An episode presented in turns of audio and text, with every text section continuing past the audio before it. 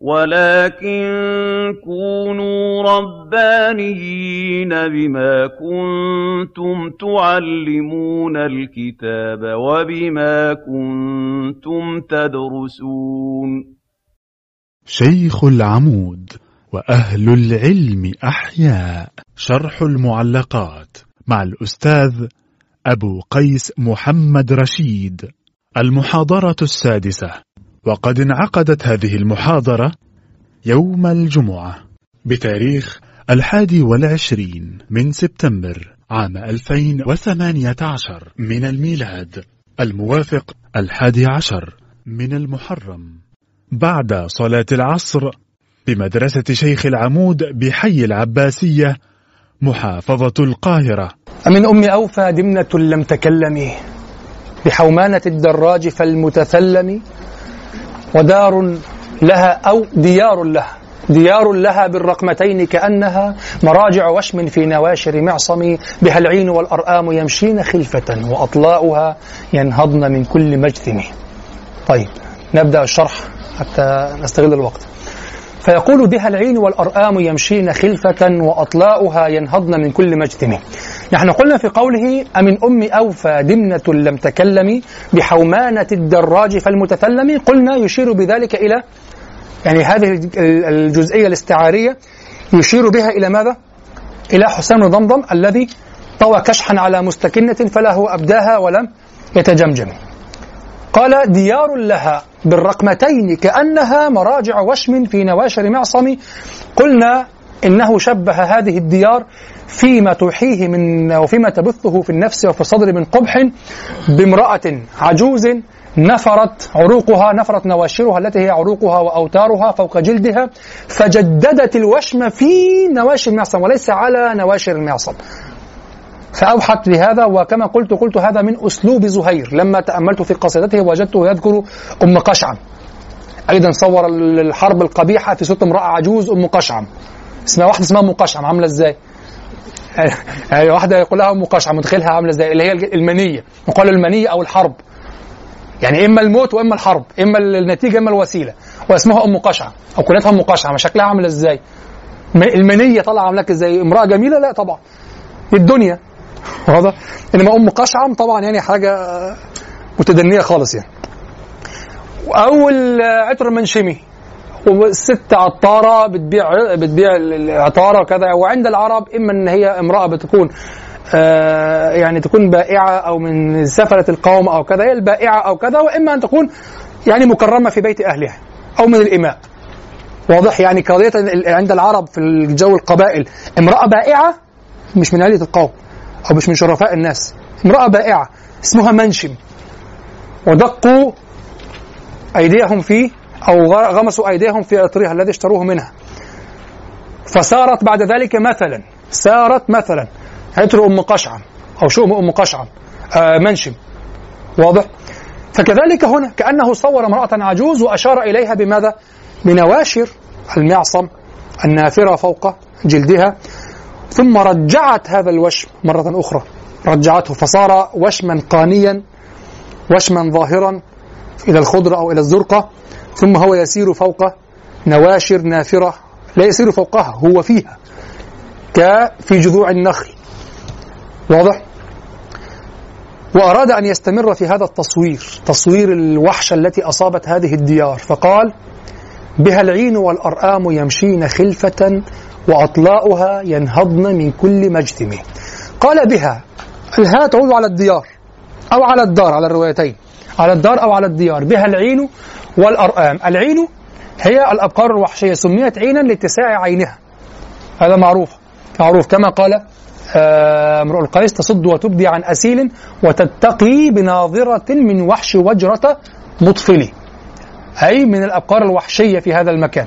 والأرآم هي الظباء البيض خاصة. الأرآم هي الظباء البيض وحدتها رئم ريم أو رئم تهمز أو أو تحذف الهمزة أو تسهل يعني. ريم أو رئم والبقرة الوحشية هي العين. يقال فيها يقال في الذكر أعين وفي الأنثى عيناء. أعين وعيناء. تقال العين ليس العين العين. هذا جمع لأعين للعيناء. وذكرها الأعين. نعم بها العين. والأرآم يمشين خلفة. خلفة يعني يخلف بعضها بعضا. كما في قوله تعالى آه، وهو الذي جعل الليل والنهار خلفة. يعني يخلف بعضه بعض يذهب الليل يأتي النهار وهكذا. ويأتي النهار بعد الليل والليل بعد النهار. يعني يخلف بعض لا يجتمعان. يخلف بعضه بعضا. نعم. فيمشين خلفة يعني يأتي قطيع الصوار يأتي قطيع فيقيم فيذهب ثم يأتي قطيع آخر فيقيم فيذهب وهكذا. بها العين والأرآم يمشين خلفة يأتون قطعانا ويرتاحون أياما في هذا المكان إذا كانوا يهاجرون من قطر إلى قطر أو مكان إلى مكان أو يستظلون في آه، أطلال هذه الديار وكذا ثم ينصرف ينصرف, ينصرف القطيع فيأتي قطيع آخر وهكذا. كما يأتي الليل والنهار. بها العين والأرآم يمشين خلفة وأطلاؤها قد ينهضن من كل مجثيم الأطلاء جمع الطلة والطلة هو ولد الظبية والبقرة الوحشية الطلة هو ولد الظبية كما قال امرؤ القيس وتحسب سلمى لا تزال ترى طلا وتحسب سلمى لا تزال ترى طلا من الوحش أو بيضا بميثاء محلال. فالطلة هو ولد الظبية يطلق على ولد الظبية حقيقة حقيقة وعلى ولد المرأة أحيانا مجازا. انتبهوا إلى هذا. هذا له تأثير في تفسيرنا وفي كلامنا مع الدكتور محمد أبو موسى. يطلق على ولد الظبية حقيقة. ويطلق على ولد المرأة مجازا. انتبهوا. ينهضن من كل مجثم. المجثم هو مكان الجثوم والجثوم بالنسبة للناس يعني الجثوم في الناس وفي الظباء والأرآم والأبقار الوحشية هو كالبروك عند الإبل. يعني إذا جلس الجمل أو البعير هكذا فيقول بركة. واضح؟ هذا القعود المتمكن هذه الهيئة المتمكنة في الناس وفي الظباء وكذا تسمى الجثوم وذلك جاثم على صدره لماذا متمكن؟ كأنه كالجمل البارك يعني. لكن البروك يكون يقال في الإبل. أما الناس وال الناس وال والظباء وهذه الحالات الوحشية في البادية فيقال فيها جثوم. والمجثم هو مكان الجثوم يعني ينهضن من كل مجثم يعني يقمن من كل مكان يجثمن فيه. نعم. فيقول بها العين والأرآم يمشين خلفة وأطلاؤها ينهضن من كل مجثم يقول بها يعني بهذه الدار. ولم يقل العين والأرآم يمشين بها وإنما بها العين والأرآم. إذا هو ما زال يضع عينه على الدار وكل شيء يتحدث عنه هو على الدار. ولذلك قدم هنا المتعلق على المتعلق لأن أصل الكلام العين والأرآم يمشين بها. صح؟ العين والأرآم يمشين بها. لكن قال بها العين والأرآم. وكما قال عبد القاهر قال ما يقدم الشاعر شيئا حقه في الأصل التأخير إلا لغرض وشيء في نفسه وفي أهمية هذا الكلام يريد أن يبني الكلام عليه. فيقول بها العين والأرآن. يعني إذا القضية أنها بها. كما في إياك نعبد أصلها نعبد إياك. لكن إياك نعبد لماذا؟ يقدم المفعول ليغلق المعنى. لكن نعبد إياك أو نعبدك و و و. لكن إياك نعبد. كيف ستعطف بعد ذلك انتهت؟ وهذا من أساليب الحصر. واضح؟ واضح؟ فكذلك قال هنا بها العين والأرآم. يعني بها يقدم يقدمها لأهميتها. بها العين والأرآم. يمشين خلفة. يعني تروح يأتي قطيع كما قلنا ويأتي قطيع آخر وهكذا ويخلف بعضها بعضا. وأما أطلاؤها أبناؤها فينهضن من كل مجتمع. هذه الصورة ساحرة وجميلة جدا يعني لها مدلول وإشارة قوية جدا. يقول أطلاؤها ينهضن من كل مجتمع. الأصل في البوادي أو كذا أو في حتى في في أماكن الإنسان وكذا في يعني في الحياة المستأنسة الأهلية أو الداجنة آه ترى الطفل يتبع أمه. لماذا هو دائما يحتمي فيها؟ يخاف. وإذا صارت قليلا هكذا يتلفت حوله ثم يلحق بها. صح؟ لماذا هو يخاف؟ وحده يخاف. لابد أن يكون في كنف أمه. فأن يصل الحال بهذا المكان إلى أن العين والأرآم ينهضن من كل مجثم يعني لا, لا تتبع أمهاتها أصلا بلغت من الأمان في هذا المكان أنها تنتثر وتنتشر في المكان. واضح؟ وأنها تنهض من كل مكان هكذا. ترى صغيرا هنا ينهض وصغيرا هنا ترى أين أم هذا وأين أم هذا وأين أم هذا؟ لا لا لا. بها العين والأرآم يمشين خلفة وأطلاؤها التي حين إقامتها في هذا المكان ينهضن من كل مج... انظر كلمة كل مجثمي كما قال على كل قيني قشيب مفأم كلمة كل كذا وكأن هذا مجاز طبعا وكأنه جمع لك كل شيء و... كأن كل مجثم صار هنا. هذا يدل على ماذا؟ كثرة انتشارها وجثومها في هذه الأماكن. يشير إلى ماذا؟ الحقيقة أنه يشير إلى شدة الوحشة في هذا المكان. تذكرون امرأ القيس لما قال ترى بعر الأرآم في عرصاتها وقيعانها كأنه حب فلفل يشير إلى مدة الإقامة وطول الإقامة الكثيرة في هذا المكان. حتى صار بعر الأرآم كأنه حب الفلفل. يشير إلى أن هذا المكان صار من الوحشة وخلو الأهل منه وعدم زيارتهم له حتى ولو مرة في السنة. أن الوحشة تسكن هذا المكان وتطمئن إليه. حتى صار بعرها كأنه حب فلفل من كثرته متراكم كحب الفلفل. لو أن هذا المكان يزوره أهله أو يأتيه الناس أو يأتيه أي إنسان آخر مرة في السنة ما تسكنه هذه الوحوش هكذا حتى تصير الأبعار كأنها حب الفلفل. كذلك أراد زهير هنا. أن يقول إنها زادت الوحشة في هذه الديار وهذا يتناغم معه وقفت بها من بعد عشرين حجة. فلأيا عرفت الدار بعد التوهم. فدائما الدمنة والآثار آثار الديار آثار الديار والدمن والعين والأرآم مقرونة كلها في سياق واحد. كلها تذكر مع بعضها إشارة إلى إصابة الوحشة لهذا المكان. ولإقفار هذا المكان من أهله. هكذا دائما. وهكذا يمتد السياق. يقول بها العين والأرآم. يمشين خلفة. يعني يذهب قطيع ويمر وقت ويأتي غيره ويقيم في هذا المكان. وكأن القطعان يعرف بعضها أثر بعض وأن هناك مكان ينزلون فيه بعيد عن الإنس ويقيمون فيه. ثم أطلاؤها أن تصل إلى أبناء الغزلان والظباء أن ترى الواحد منها يقيل بعيدا ينام بعيدا عن أمه. هذا أمان شديد صح؟ وأطلاؤها ينهضن من كل مجثم وذلك الدكتور يعني صورها تصويرا رائعا جدا. الدكتور آه، آه، عبد زيد صورها تصويرا رائعا جدا.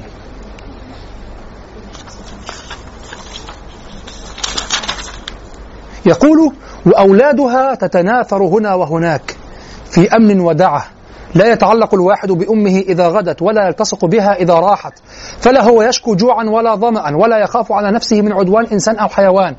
وهذا يعني أن إقامتها إقامة دائمة وليست مؤقتة. طيب أنا قلت لكم دائما لكم أن الدكتور عبد زيد يصور التصوير الجيد ثم لا يبني عليه بناء حسن. هذه المشكلة عنده. يعني يصور ويشرح ويبلغ المعنى المعنى الاصلي يبلغ به مبلغه الشعري ثم يخطئ في الإشارة التي يريدها النص. يعلق عليه ما هو أقل منه بكثير. واضح؟ أو يخطئ الجهة تماما. فالذي يظهر هنا سواء من السياق الشعري سواء من سواء من المعروف والمعهود في القصائد الأخرى كامرئ القيس وغيره في ذكر العين والأرآم أو الظباء الوحشيه والبقر الوحشي مع مع ماذا؟ مع الأثار الديار وكذا وكذا كل هذا يدل ع... كل هذه الصور تتوارد على ذهن الشاعر وعلى ذهن من يستمعون إلى الشاعر يريد بها ماذا؟ يريد بها أن يقول الدار صارت موحشة حتى أن الحيوانات الوحشية استأنستها. فكلما ذكر الأنس والجمال في هذا الحيوان معناه وحشة هذه الديار. معناه وحشة هذه الديار وخلو هذه الدار من أهلها فالحقيقة أن المعنى السلبي بالنسبة للشاعر. حينما تقول بها العين والأرآم يمشين خلفة. يعني أين حيوانات وحشية أوابد. أين إذا الإنس غير موجودين؟ وأطلاؤها انظر يقول لك واطلأها أبناؤها ينهضن من كل مجثم يعني المفروض أنت تعتاد أن ترى الطلى مع مع أمه. أن ترى الطلى مع أمه. أن ترى ابن الظبي مع الأم. هذا معروف. حتى أن البعض فسر قول من القيس آه، وتحسب سلمى لا تزال ترى طلا من الوحش أو بيضا بميثاء محلال. يقول بعضهم فسر هذا التفسير. الكسائي أو من؟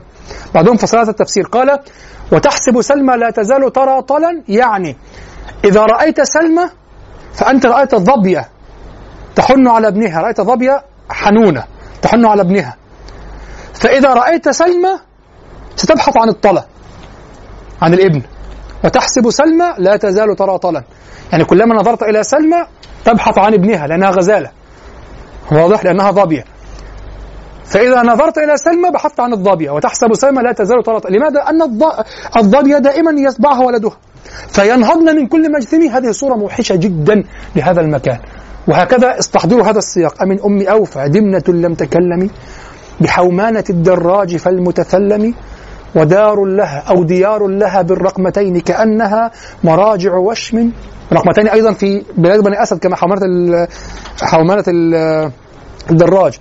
ودار لها أو ديار لها بالرقمتين كأنها مراجع وشم في نواشر معصم بها العين انظر ما زال السياق. لن يصح أن يكون هنا بها العين والأرآم يمشين خلفة.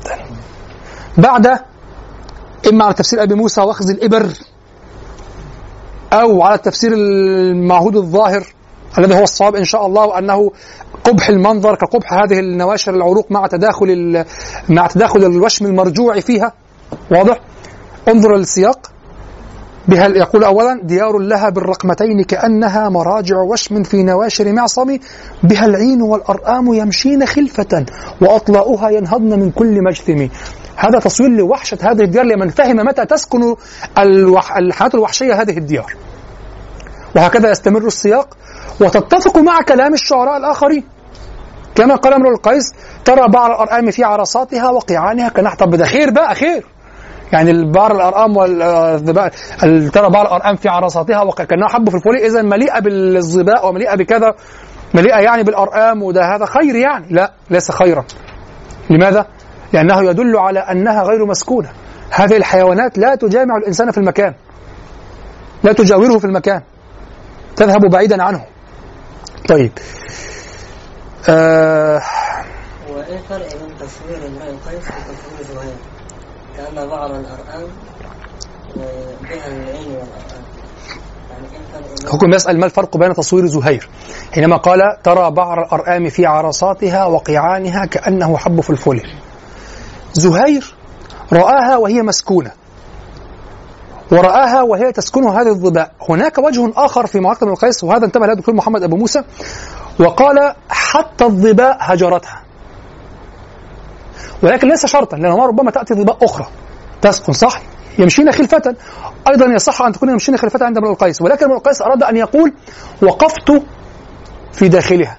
ترى بعر الأرآم في عرصاتها وقيعانها كنحب فامرؤ القيس لابسها دخل في داخلها. واضح؟ أما زهر بن فوقف عليها من بعيد ورآها وأخذ يصفها من بعيد. وسترى أن زهير بن أبي سلمى في قصيدته آه الفرق بين مقدمة إذا سميناها مقدمة مقدمة قفا نبكي ومقدمة آه زهير.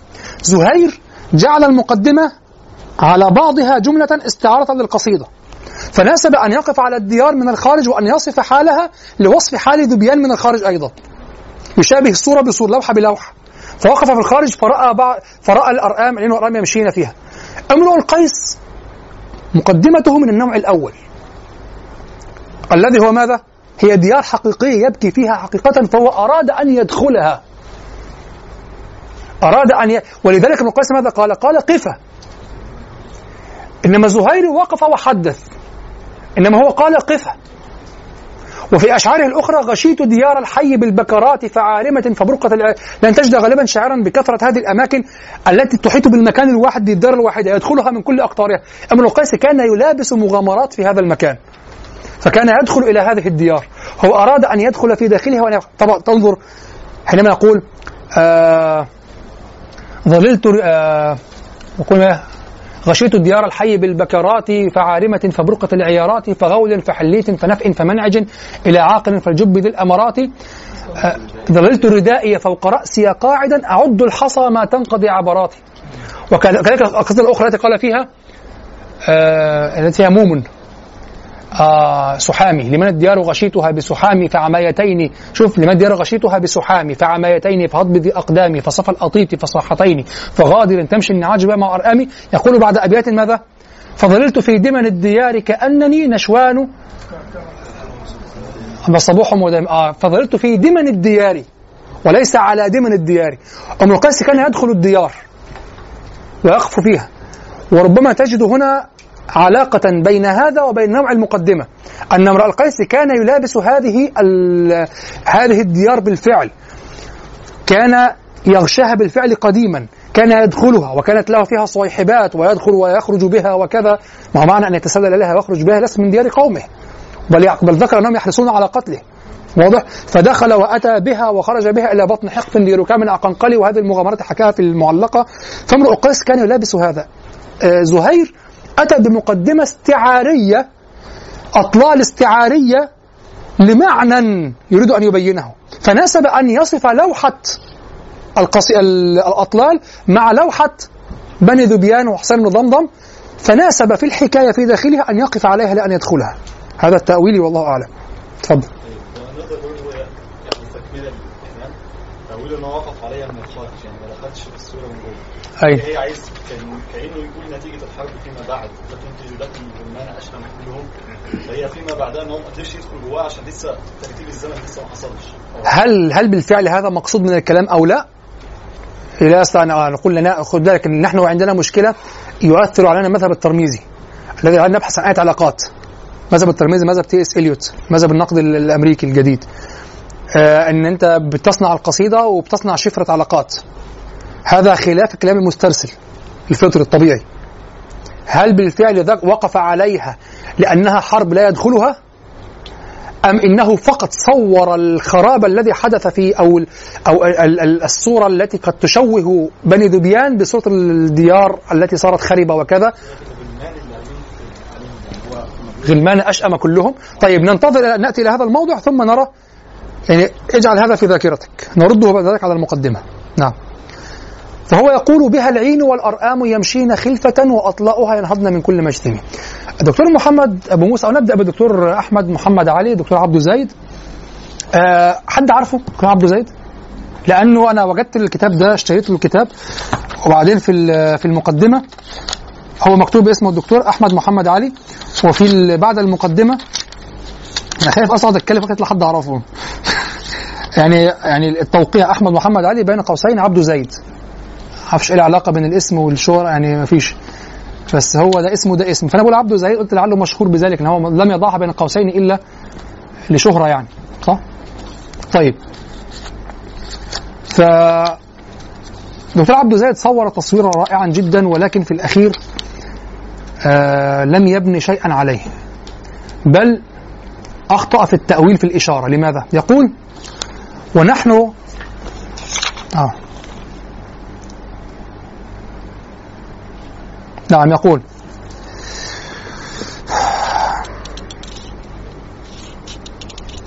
فالعين والأرآم مقيمة بها ألفتها واستراحت إليها واطمأنت إلى المكث فيها.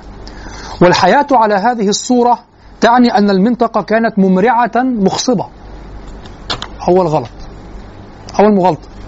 والحياة شوف هو إياك تمرر المقدمات. أنت تحرف النتيجة. المشكلة في المقدمات. يعني أنت تمر عليك المقدمات وتظن خلاص آه طب النتيجه أنا محتار. المقدمة تحتاج إلى تفسير إلى نظر. يقول والحياة على هذه الصورة تعني أن المنطقة كانت ممرعة مخصبة. واضح؟ وإذا كانت ال- المنطقة على هذه الصورة فإنها تكون مطمعا للقبائل و- وهل وهل زهير هو الشاعر الوحيد الذي ذكر آه يعني خلاص أيضا اذا الم- المكان كان ممرعا مخصبا عند من؟ عند امرئ القيس وعند غيره من الشعراء ممن ذكر أن العين والارقام يقيمون في هذا المكان. يعني كل عين وارقام في المكان في الأرض هي العين والارقام تصاحب الدمنة تصاحب الآثار الخربه. لأنها تستظل بأقل القليل من جدران هذه الآثار والرسوم تستظل فيها. يعني عارف لو في شبر ظل كده تعرف الماعز الماعز حتى الماعز البلدي بتاعتنا دي بيسموها الزرايبي. حتى في لو شفتها في البيات أو في الجبال تقف على أي حتة بارزة كده في الظل بتاع الحيطة. هي أصلا حيوانات جبلية. أنا ساكن دلوقتي جنب التبة هناك. خلاص يعني في جنب عمارة بيطل على التبة. التبة دي فيها آه ارتفاع حوالي ثلاث أدوار كده في جبل. فيها زوائد مرصوصة ماعز. ماعز مش جبلي ماعز بتاع ناس. واضح؟ لكن بتستظل في سنتيمترات من الظل. وحوافرها وأرجلها بتؤهلها إن هي تقف في مقدار ثلاث أصابع كده. هو بمجرد ان هي تضع الحافر خلاص وقفت. فكده كأنها رسومات على الحيطة. تلاقيها ملزوقة. واقفة على ما فيش كعب. كعب. شفت كعب الجزمة؟ كعب. واضح؟ ف اذا يعني هم يعني ال- ال- العين والارقام يستظل في هذا المكان وتقيم في هذا المكان ويمشين خلفة في هذه الأماكن وتروح وتجيء وكذا لأنها حيوانات برية. فهو يقول إن الحيوانات قد اطمأنت إلى هذا المكان ال- ال- الموحش الخالي من الأهل. ولو أن أهله يزورونه يعني على كل فترات أو على حين وحين حتى لو على تباعد لن تسكن حتى تصير تسير خلفة. حتى تصير تسير خلفة. وحتى ترى الأطلاء ينهضن من كل مجتمع وحتى ترى ال- البعر الأرقام كأنه حب فلفلي لا تسكن إلى هذا الحد لا تقيم إلى هذا الحد. هي حيوانات برية. واضح؟ طيب. فهو يقول فإنها تكون مطمعا للقبائل المختلفة التي ت... هذه مشكلة قراءة النص منفردا. بدون تتبع ما يسمى بتاريخ الأدب. أنت تحتاج حتى تفهم القصيدة الجاهلية أن تقرأ قدرا كبيرا من القصائد الجاهلية. كبيرا جدا. وإلا فسرت كل قصيدة على أنها كل مقدمة طلالية على أنها وقوف على الطلل فعلا. وعلى أن الاسم الذي فيه حقيقي فعلا. وعلى كذا وكذا. ولن تنتبه إلى أنه استعارة أو مجاز أو تمثيل أو حتى كما وقع في الإسلامين تقدمة استعراض عضلات شعرية فنية وخلاص.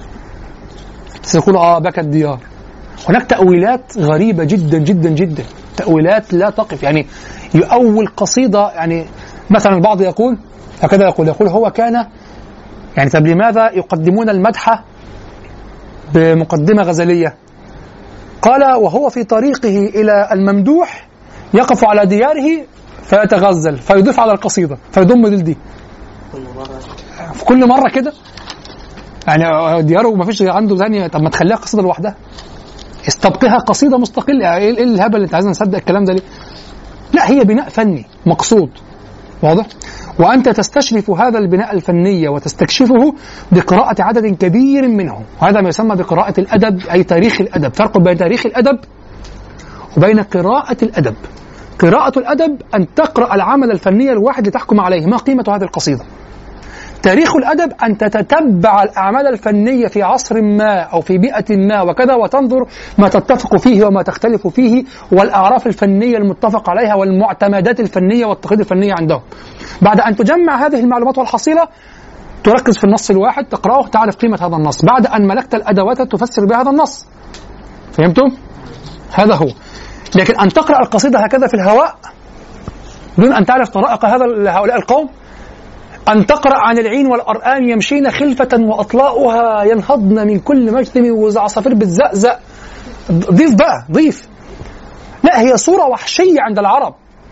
صورة تقبض الصدر. ال- هذه الغزلان ليست ليست قطيع تملكه. هذه غزلان وحشية. هذه مجتمعة مع الدمن مجتمع مع الأطلال الخربة هذه حيوانات برية. لو أنك لو أنها رأتك لفرت. في لحظة لو أنها رأتك لفرت. واضح؟ حتى قالوا في المجنون يعني من المبالغات في المجنون قالوا استوحش في الصحراء وصار يصاحب صارت ال- ال- الظباء الوحشية لا تخاف منه. يعني صار يجلس وهي بجواره. يعني شوف مبالغة في أنه هاجر الناس وصار طاردا في الصحراء هكذا واستوحش في الصحراء وصار يرجع إلى الديار. حتى أن الأوابد صارت تصاحبه وتجلس بجواره وتسير معه. شوف المبالغة يعني نشوف وصل لحد فين مرحلة إيه. فهذه لو رأتك لفرت فتجعلها جمال وخير. لا ليست جمال ولا خير واضح؟ هو يقول فإنها تكون مطمعا للقبائل المختلفة التي تسعى وراء الخصب والماء فتضرب فيها خيامها وتقيم فيها حتى ينضب الماء ويجف الكلأ فينتقلون عنها إلى غيرها. فلماذا إذا تركت أم أوفى وقبيلتها هذه المنطقة الممرعة المخصبة إلى غيرها؟ لابد أن هناك أمرا قاهرا هو الذي حملها وحمل أهلها على ترك هذه الديار والنزوح منها. أم ترى أن هذه المنطقة أمرعت وأخصبت وكثر الماء فيها بعد رحيل أم أوفى؟ ربما ولكن لماذا لم يعمرها الإنسان وتركها للحيوانات الوحشية تسرح فيها وتمرح؟ ألأنه في غنى عنها لوفرة الماء والكلأ في المناطق الأخرى. أم لأمر قهري جعل هذه المنطقة حراما على الإنسان وإبله وغنمه حلالا للبقر والظباء وأولادها؟ إن هناك أسئلة كثيرة يفجرها هذا البيت ولا يمكن الإجابة عنها إلا بالنظر في القصيدة كلها. لذلك نرجئ هذا الأمر مؤقتا إلى التعليق الأخير. نظره في القصيدة كلها حسن جدا. لكن مشكلته أنه افترض أن هذه الحيوانات لا تسكن إلا في الأماكن الممرعة.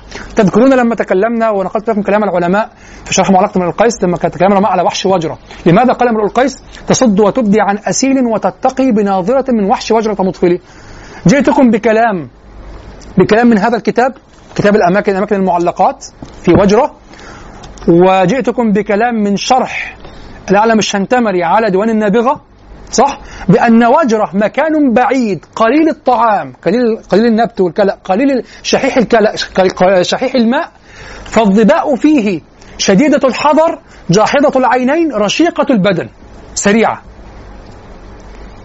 فإذا نظرت بخوف هكذا ظهرت مقلتها الكبيرة السوداء فهو يشبه عينيها باتساع سوادها واتساع مقلة العين بناظرة من وحش وجرة مطفلة. ومعها طفل يعني معها ولد على تفسيرين من هذه التفاسير أنها إذا ارتعبت وكذا نظرت حتى خوفا على ولدها فتراها كبيرة العين هكذا. أو مطفل فعينها أصلا واسعة ولكنها تحن عليه فتنسدل تنسدل الجفون فهكذا عيون العربيات فيها انسدال. العيون النجدية العربية فيها انسدال هكذا على ثلث العين تقريبا. انسدال طبيعي طبيعي ليس الناعس هذا النعاس هذا ال هذه هذا الوسن في العين هذا طبيعي في العين العربية التي لم تختلط بغيرها. فهو يشبه الشاهد أنه يشبه بوحش وجرة. وقالوا في وحش وجرة قالوا وجرة مكان حتى قالوا هكذا. مكان بعيد عن طريق المسافرين. والظباء فيه نحيلة شديدة التوحش سريعة جاحظة العينين. واضح؟ فهي نظرت إلي بغزالة أو بظبية من وحش وجرة من من الظباء الوحشية بوجرة ومعها طفل أيضا. على التفسيرين. فهذه هذه وجرة. وتسكن في مكان لا ماء فيه ولا كذا ولا كذا وهذه الحيوانات أصلا مكترة. وتأكل أقل القليل وتأكل حمل الموسم للموسم وتأكل أقل العشب تعيش عليه وتشرب أقل الماء من عين أو من من مطر أو كذا أو كذا. واضح هي مهيئة لذلك وتسكن بعيدا عن الإنسان. المهم أن تكون بعيدا عن الإنسان. فهي بعيدة عن الإنسان. فأن يقول إنها لو كان الأمر كما يقول وأن هذه هذه الأبقار الوحشية أو العين والأرقام لا تسكن إلا في الأماكن المخصبة الممرعة التي تقصدها القبائل. إذا لسكنتهم القبائل العين والوحشية لسكنتهم في الأماكن صح؟ لكانت القبيلة الحي مقيم والغزلان تدور حوله صح؟ خلاص إذا لاستؤنست. لكن لم نعرف أحدا من العرب استأنس هذه الحيوانات ظلت وحشية إلى الآن. بعضها انقرض وبعضها على إثر الانقراض يعني هو الريم الأبيض. معروف. له مزارع له له محميات طبيعية في في الإمارات وفي السعودية كذلك. الحجاز طيب. فطبعا الكلام هو هنا نظرته واسعة لكنه أخطأ في التقدير تقدير هذه الجزئية. فماذا فعل بعد ذلك؟ بماذا قدرها؟ للأسف الشديد الدكتور عبد زيد هنا ماذا يفعل؟ يبحث عادة عن أشياء في النص أشياء في القصة كل هذه القصص تدور حول قصة من؟ حرب دحس والغبراء بين عبس وذبيان صح؟ يبحث عن أشياء في القصة يمكن أن تكون تفسيرا مباشرا لماذا؟ تفسير مباشرا للأبيات مباشر فهو نظر إلى حادثة وقعت في ضمن خطة من؟ عبس ل في ضمن خطة عبس لهزيمة ذبيان ماذا فعل؟ ماذا فعلت عبس؟ عبس قالت يعني من ضمن خططها طبعا الأيام بينهم كانت كثيرة يعني فكان من ضمن خططها في مرة الذي ابتكرها قيس بن زهير آه كبير عبس قال نسرح النساء نأخذ النساء والأموال النساء والإبل لما علموا أن الذيان تتحرك نحوهم بعد يوم يعني هم قتلوا فيه مقتلة عظيمة يعني فذبيان تتحرك نحوهم فماذا فعلوا؟ قالوا نرسل النساء طبعا النساء أكثر شيء يخاف عليه العربي نرسل النساء والأنعام والإبل وكذا نرسلها إلى آه، بني عامر. كانت بينهم حروب وتحالفات. واضح؟ فأرسلوها إلى بني عامر ليكونوا في معهم. قالوا نبقى نحن على الخيل فإن هزمناهم كنا قد استبقينا أموالنا وكذا وحافظنا عليها من أن تصاب وكذا. وإن هزمنا وفررنا أو كذا رجعنا إلى أموالنا لم تصب. ولنسائنا لم تصب. واضح فنبقى على الخيل وكذا. وهزمت بنو عبس بني ذبيان في هذه الحرب. فماذا يقول عبد زيد؟ انظر. أو ربما أقرأ لكم الموضع أولا من أيام العرب. أنا فقط أوقفكم على بعض ما يكتب لكم من تفسير الشال لتفكروا فيه. آه بسم الله. انظروا يقول ثم إن نعم ثم إن عبسا ندمت على ما فعلت بذبيان يوم الهباء. إن هم ذبيان كانت تسير نحو عبس للحرب وكذا فنزلوا بغدير فاستنقعوا. هو كان قيس بن زهير يعلم أن آه أن الذبيانيين سينزلون فيه يحبون الاست يعني سيحبون الاستجمام في هذا الماء وكذا فنزلوا فيه وتركوا الخيل فذهبوا واخذوا منهم أخذوا يعني حجزوا بينهم وبين أسلحتهم والإبل وأخذوا يقتلونهم قتلا هكذا.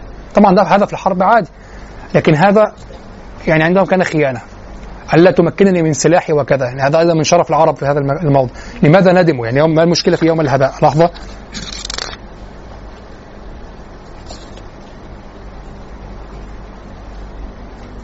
نعم. يقول ولما بلغ بني عبس أنهم قد ساروا إليهم تشاوروا بينهم. فقال قيس أطيعوني فوالله لئن لم تفعلوا لأتكئن على سيفي حتى يخرج من ظهري. قالوا فإنا نطيعك فأمرهم فسرحوا السوام والضعاف بليل. وهم يريدون أن يضعنوا من منزلهم ذلك. ثم ارتحلوا في الصباح أو في الصبح وقد مضى سوا وقد مضى سوامهم وضعافهم.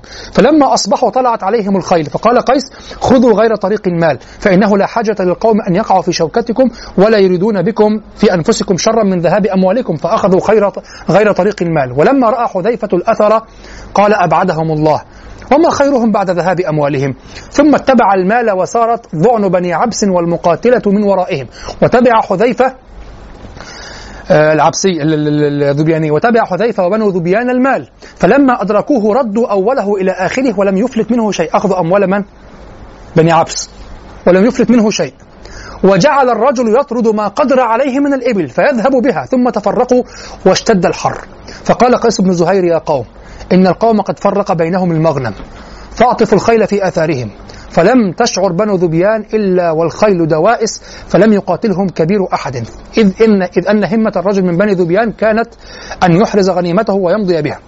لحظة. آه. ووضعت بنو عبس فيهم السلاح. كما وضع فيه السلاح يعني ظل يقتل مقتلا مستمرة ولم يتوقف. ووضعت بنو عبس فيهم السلاح. طبعا آه، عنترة كان مزاط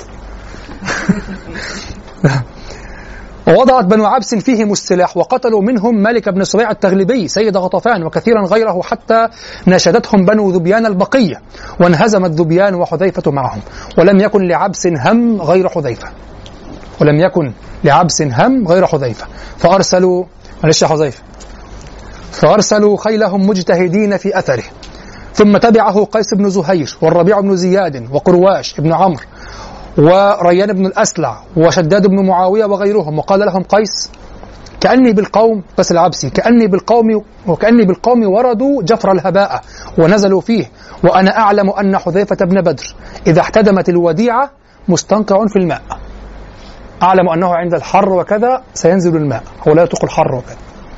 وكان حذيفة قد استرخى حتى قد استرخى حزام فرسه فنزل عنه ووضع رجله على حجر مخافة أن يقتص أثره.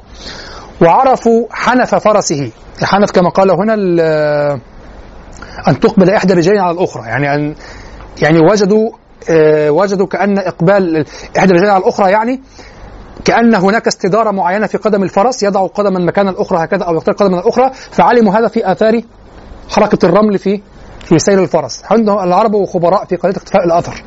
هذا اللي كيف يمشي صاحبه؟ وهذا الأثر كيف يمشي صاحبه؟ آه هذه أقدام فلان. يعني لو فلان أعرج يبان خطوة وخط خطوة وخط. مثلا.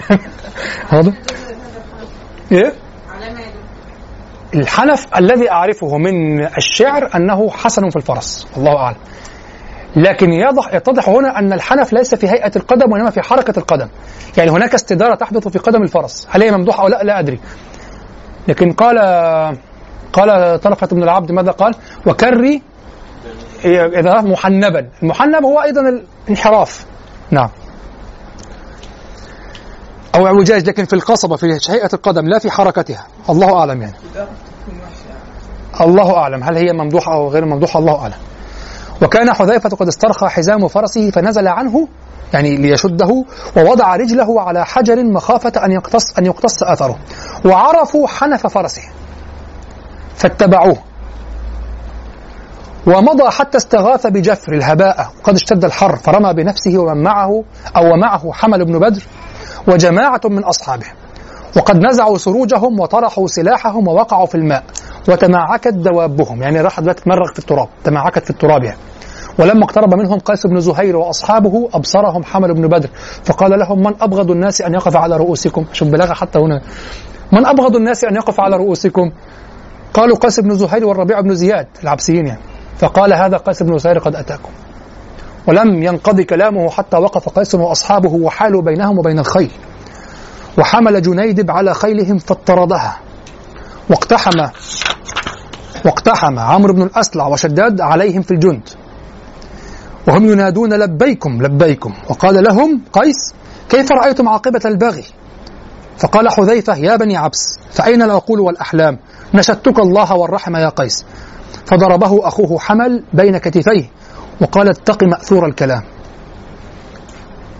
يعني ربنا يقول لك إن الله أعلم كأن معناها هذا كلام لا يفيد خلاص. اتقي مأثور الكلام معروف. فتشد الرحم هو خلاص هو جابك هو عايزك وهو يريدك يعني. اتقي مأثور الكلام. ثم قال حذيفة لقيس بنو مالك بمالك وبنو حمل بذي الصبية ونرد السبق قال قيس لبيكم لبيكم. قال حذيفة لئن قتلتني لا تصلح غطفان بعدها ابدا. فقال قيس أبعدها الله ولا أصلحها. ثم إن قرواش بن هانئ أو ابن هني أو هني جاء من خلف حذيفة فقال له بعض أصحابه احذر قرواشا وكان قد رباه فظن أنه سيشكر ذلك له. فقال خلوا بيني بين قرواش وظهري. فنزع له قرواش بمعبلة فعصم بها صلبه. ضربه بحربة في ظهره. وابتدره الحارث بن زهير وعمرو بن الأسلع فضرباه بسيفيهما حتى ذفف عليه يعني أكمل عليه.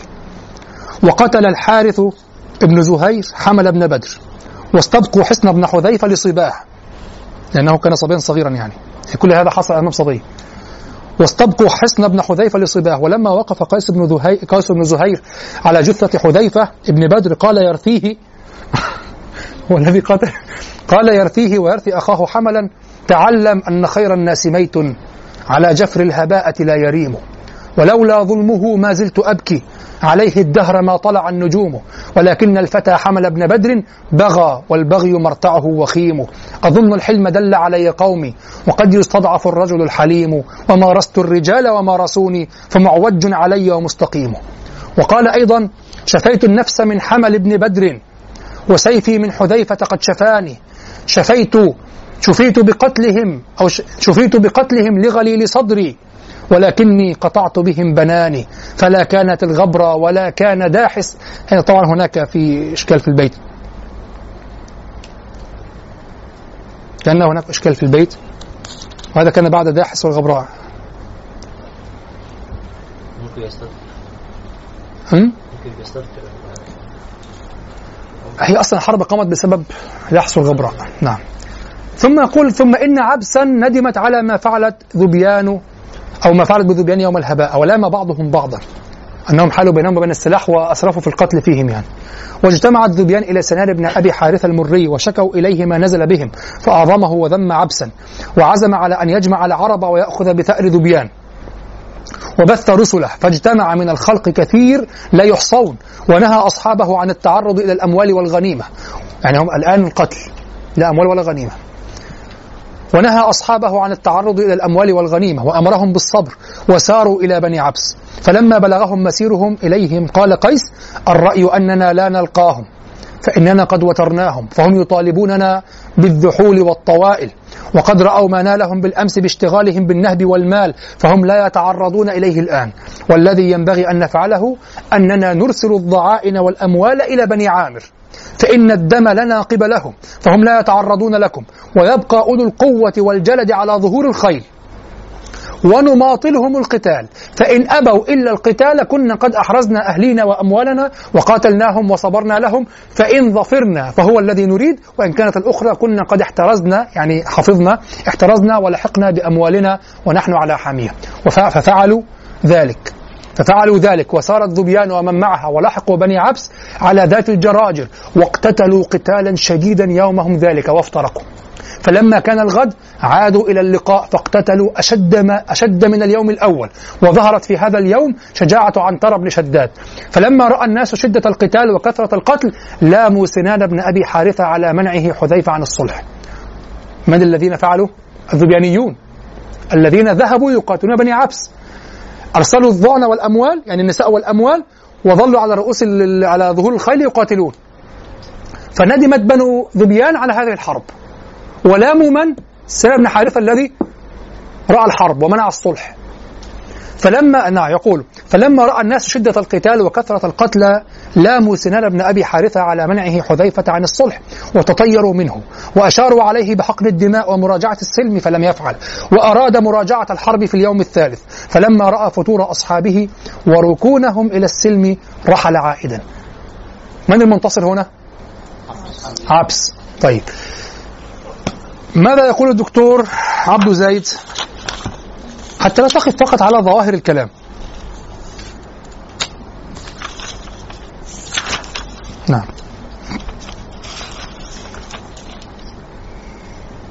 نعم يقول وزهير يحدثنا في مقدمة القصيدة في مقدمة القصيدة عن رحلة اضطرارية قامت بها أم أوفى. حدث فيها ما سلف شرحه وذبيان لم يحدث لها هذا اللون من الترحل الاضطراري. يبحث هو أين جاء برحلة اضطرارية؟ قال أولا العين والأرآم لا تكون هكذا إلا في مكان مخصب وإذا كان مكانا مخصبا فقومه رحلوا عنه مضطرين. فأخذ يبحث عن رحلة اضطرارية في الأحداث. فهمتم؟ شو ترميز يعني هذا ليس ليس عمل محققين. رأي أنت قرأتم القصة؟ يقول وتحدث زهير عن مرورها بجبل القنان أو القنان المليء بالأعداء وتحدث عن وصولها إلى وادي الرس المهم يقول في الآخر الرحلة الاضطرارية كانت رحلة عبس إنها فارقت ديارها وتنقلت بين القبائل وعانت هي ونساؤها في هذه الرحلة ما عانت. بل إن فصل الأموال والنساء عن ركب القوم قد حدث في عبس ولم يحدث في ذبيان. جزء من خطة انتصرت فيها بنو عبس فاهمين؟ قرأنا الجزء. أرسلوهم وقاتلوا ثلاثة أيام وعنترى تلألأ. واضح؟ وانتصروا. ثم يأتي زهير الذي هو من غطفان الذين هم من الذين منهم ذبيان. يعني أصلا زهير أمه وحليف في من؟ في غطفان. هو مزيني. لكن هو في من؟ في غطفان. يعني هذه المقتلة هذه الهزيمة كانت لقومه. فيأتي ويشفق على نساء بني عبس. التي رحلت إلى بني عامر في جزء من خطة انتصرت بسببها عبس. ويصور في الغريب أنه وضع لك رقم الصفحة في الكتاب. واضح لتراجع. فهو يقول الرحلة الاضطرارية كانت رحلة عبس إنها فارقت ديارها وتنقلت بين القبائل وعانت هي ونساؤها في هذه الرحلة ما عانت بل إن فصل الأموال والنساء عن الركب قد حدث في عبس ولم يحدث في ذبيان. إنما حدث من عبس نحو ذبيان في يوم الهباء كان فظيعا. صح. فاجتمع لذبيان كثير من الخلق للإغارة على عبس. فتشاورت عبس وانتهت إلى إرسال الضعائن والأموال إلى بني عامر. صحيح؟ طيب. وبقي الرجال على ظهور الخيل. جميل. وهذه الصورة تنطبق فقط لأنها تنطبق. في الصورة تنطبق الصورة فقط. وهذه الصورة تنطبق على حديث زهير عن رحلة الضعائن وحدها وما تلاقيه في رحلتها وكثرة الأعداء من حولها. إيه ده إيه ده؟ مفيش. ما كانش في الكلام ده هنا صح؟ لم يوجد. مفيش أعداء. الأعداء بنو عبس وبنو ذبيان. وعبس أرسلوا الظعن والأموال إلى النساء والأموال إلى بني عامر وظلوا على ظهور الخيل. واقتتلوا قتالا شديدا. انهزمت فيه بنو ذبيان. على أي شأن يبكي زهير؟ من أين جئت بعبارة؟ وما تلاقيه في رحلتها وكثرة الأعداء من حولها. إيه؟ هذا غير مذكور صح؟ المهم أي ضعن مشيت لوحدها. أي رحلة اضطرارية؟ طيب من أين الرحلة الاضطرارية جاءت؟ العين والأرآم لا تسكن إلا في مكان ممرع مخصب خطأ. هذا أصلا خطأ. أولا كسرت السياق. هذا أول شيء. كسرت السياق. فس... ثانيا فسرته خطأ. كسرت السياق وفسرته خطأ. وخالفت عادة العرب في ضم العين والأرآم إلى ال... ال... ال... الآثار الديار وإلى الدمن. صح؟ ثم ماذا فعل؟ حول المعنى المنصوص عليه من استعارة ومن مجاز إلى حقيقة. وكأن زهير يتحدث عن ظعن حقيقية. هي ظعن من؟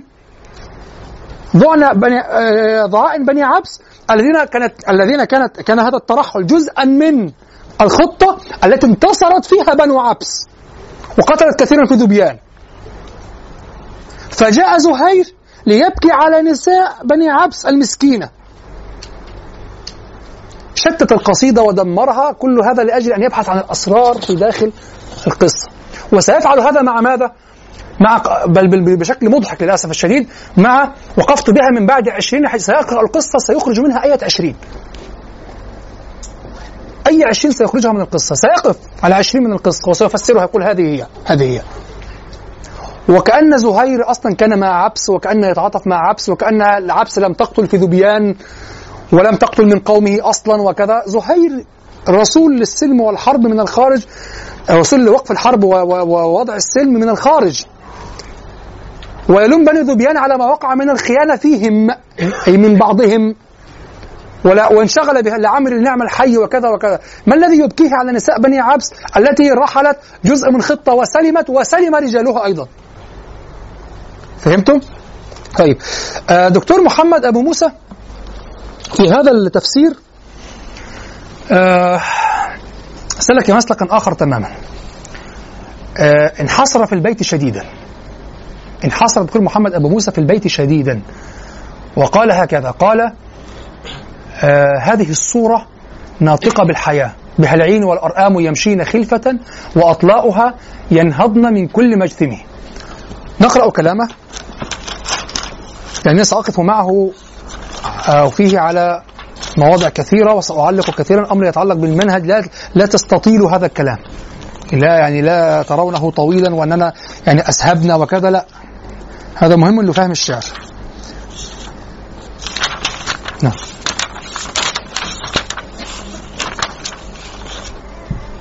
أيوه.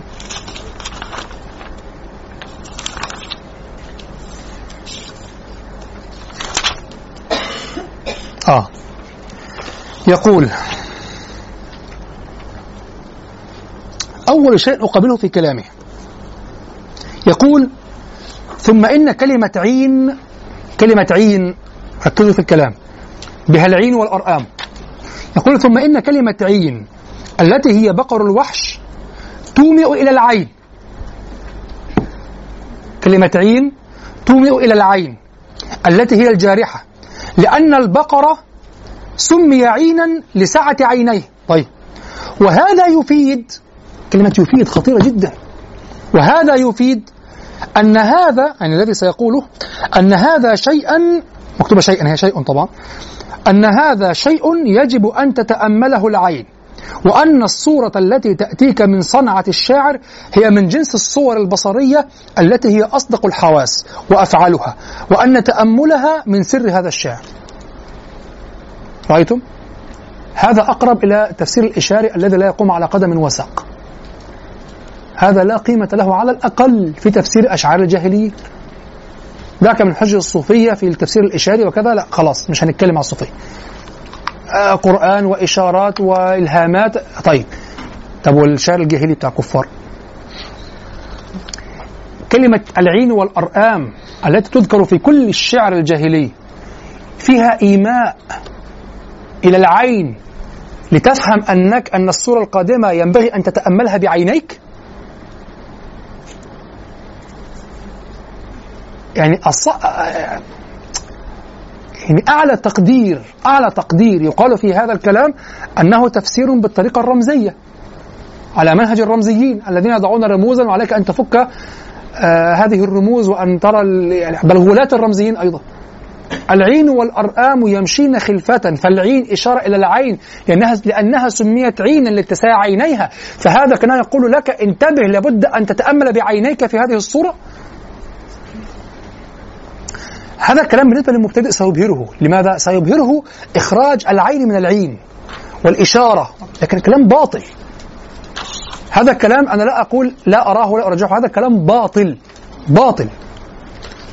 ولكن السبب في هذا عند الدكتور محمد أبو موسى أنه دائما يبحث عن شيء يعلي به من قيمة النص أدبيا بمعنى الأدب الأخلاقي يعني أدبيا من جهة من جهة القيمة المجتمعية الأخلاقية الكذا القيمة النفسية الإنسانية. فدائما ي... دائما يأخذك في دوا... داخل هذه النصوص ويغيبك عن سياقاتها. حتى تقرأ له معلقة امرئ القيس تحس امرئ القيس كان وليا. هو ليس أنا أحبه وليس وليا. لا أحد منه ولي. بالفعل يعني يعني بعد كل ما قام حتى لما شرح على صباحا قال الذي يقول آه الذي يقول آه آه فلو أنما أسعى لأدنى معيشة كفاني ولم أطلب قليل من المال قال الذي يقول هذه العبارة وهذه الآبيات الأخيرة ابدا لا يكون قد فعل ما فعل في الأعراض وفي كذا وعن النساء. لا لا ممكن يكون فعل. ممكن لا ممكن. وارد جدا يكون فعل. وارد جدا يكون عنده نفس أبية عالية ويكون هذا خطأه وفعل وكذا. وتظل نفسه هكذا وتظل يجتمع فيه هذا هذا الشيء السيء وهذا الشيء الحسن وارد جدا. وهناك من هو عفيف النفس وخامل. حيلتها في واحد عفيف. عفيف فعلا. بس كده حيلتها وغلبان. وحيلتها خالص. عادي. تجتمع. كان عج- أعجبتني كلمة نقلها ال- نقلها ال- صاحب كناشة النوادر. عبد السلام هارون. عبد السلام هارون. في كناشة النوادر. آه، قال هكذا يعني يعنون للنوادر يعني فيقول المروءة الفطرية لا علاقة لها بالتدين. فيقول ربما تجد الرجل عربيدا مدمن للخمر ولكنه ذا مروءة لا يسرق ولا يكذب ولو استأمنته على شيء يأمنه ويدافع عنه ويرده إليك ولو بعد زمان. وربما تجد الرجل صاحب لحية كذا يقول صاحب لحية كما قال ملتحيا ملتحيا. ويصلي ويقوم وإذا أعطيته شيئا أنكره في اليوم الثاني. المروءة لا علاقة لها بهذا. تجرى محلات الشيخ قد كده نصب وكذاب وحرامي عادي.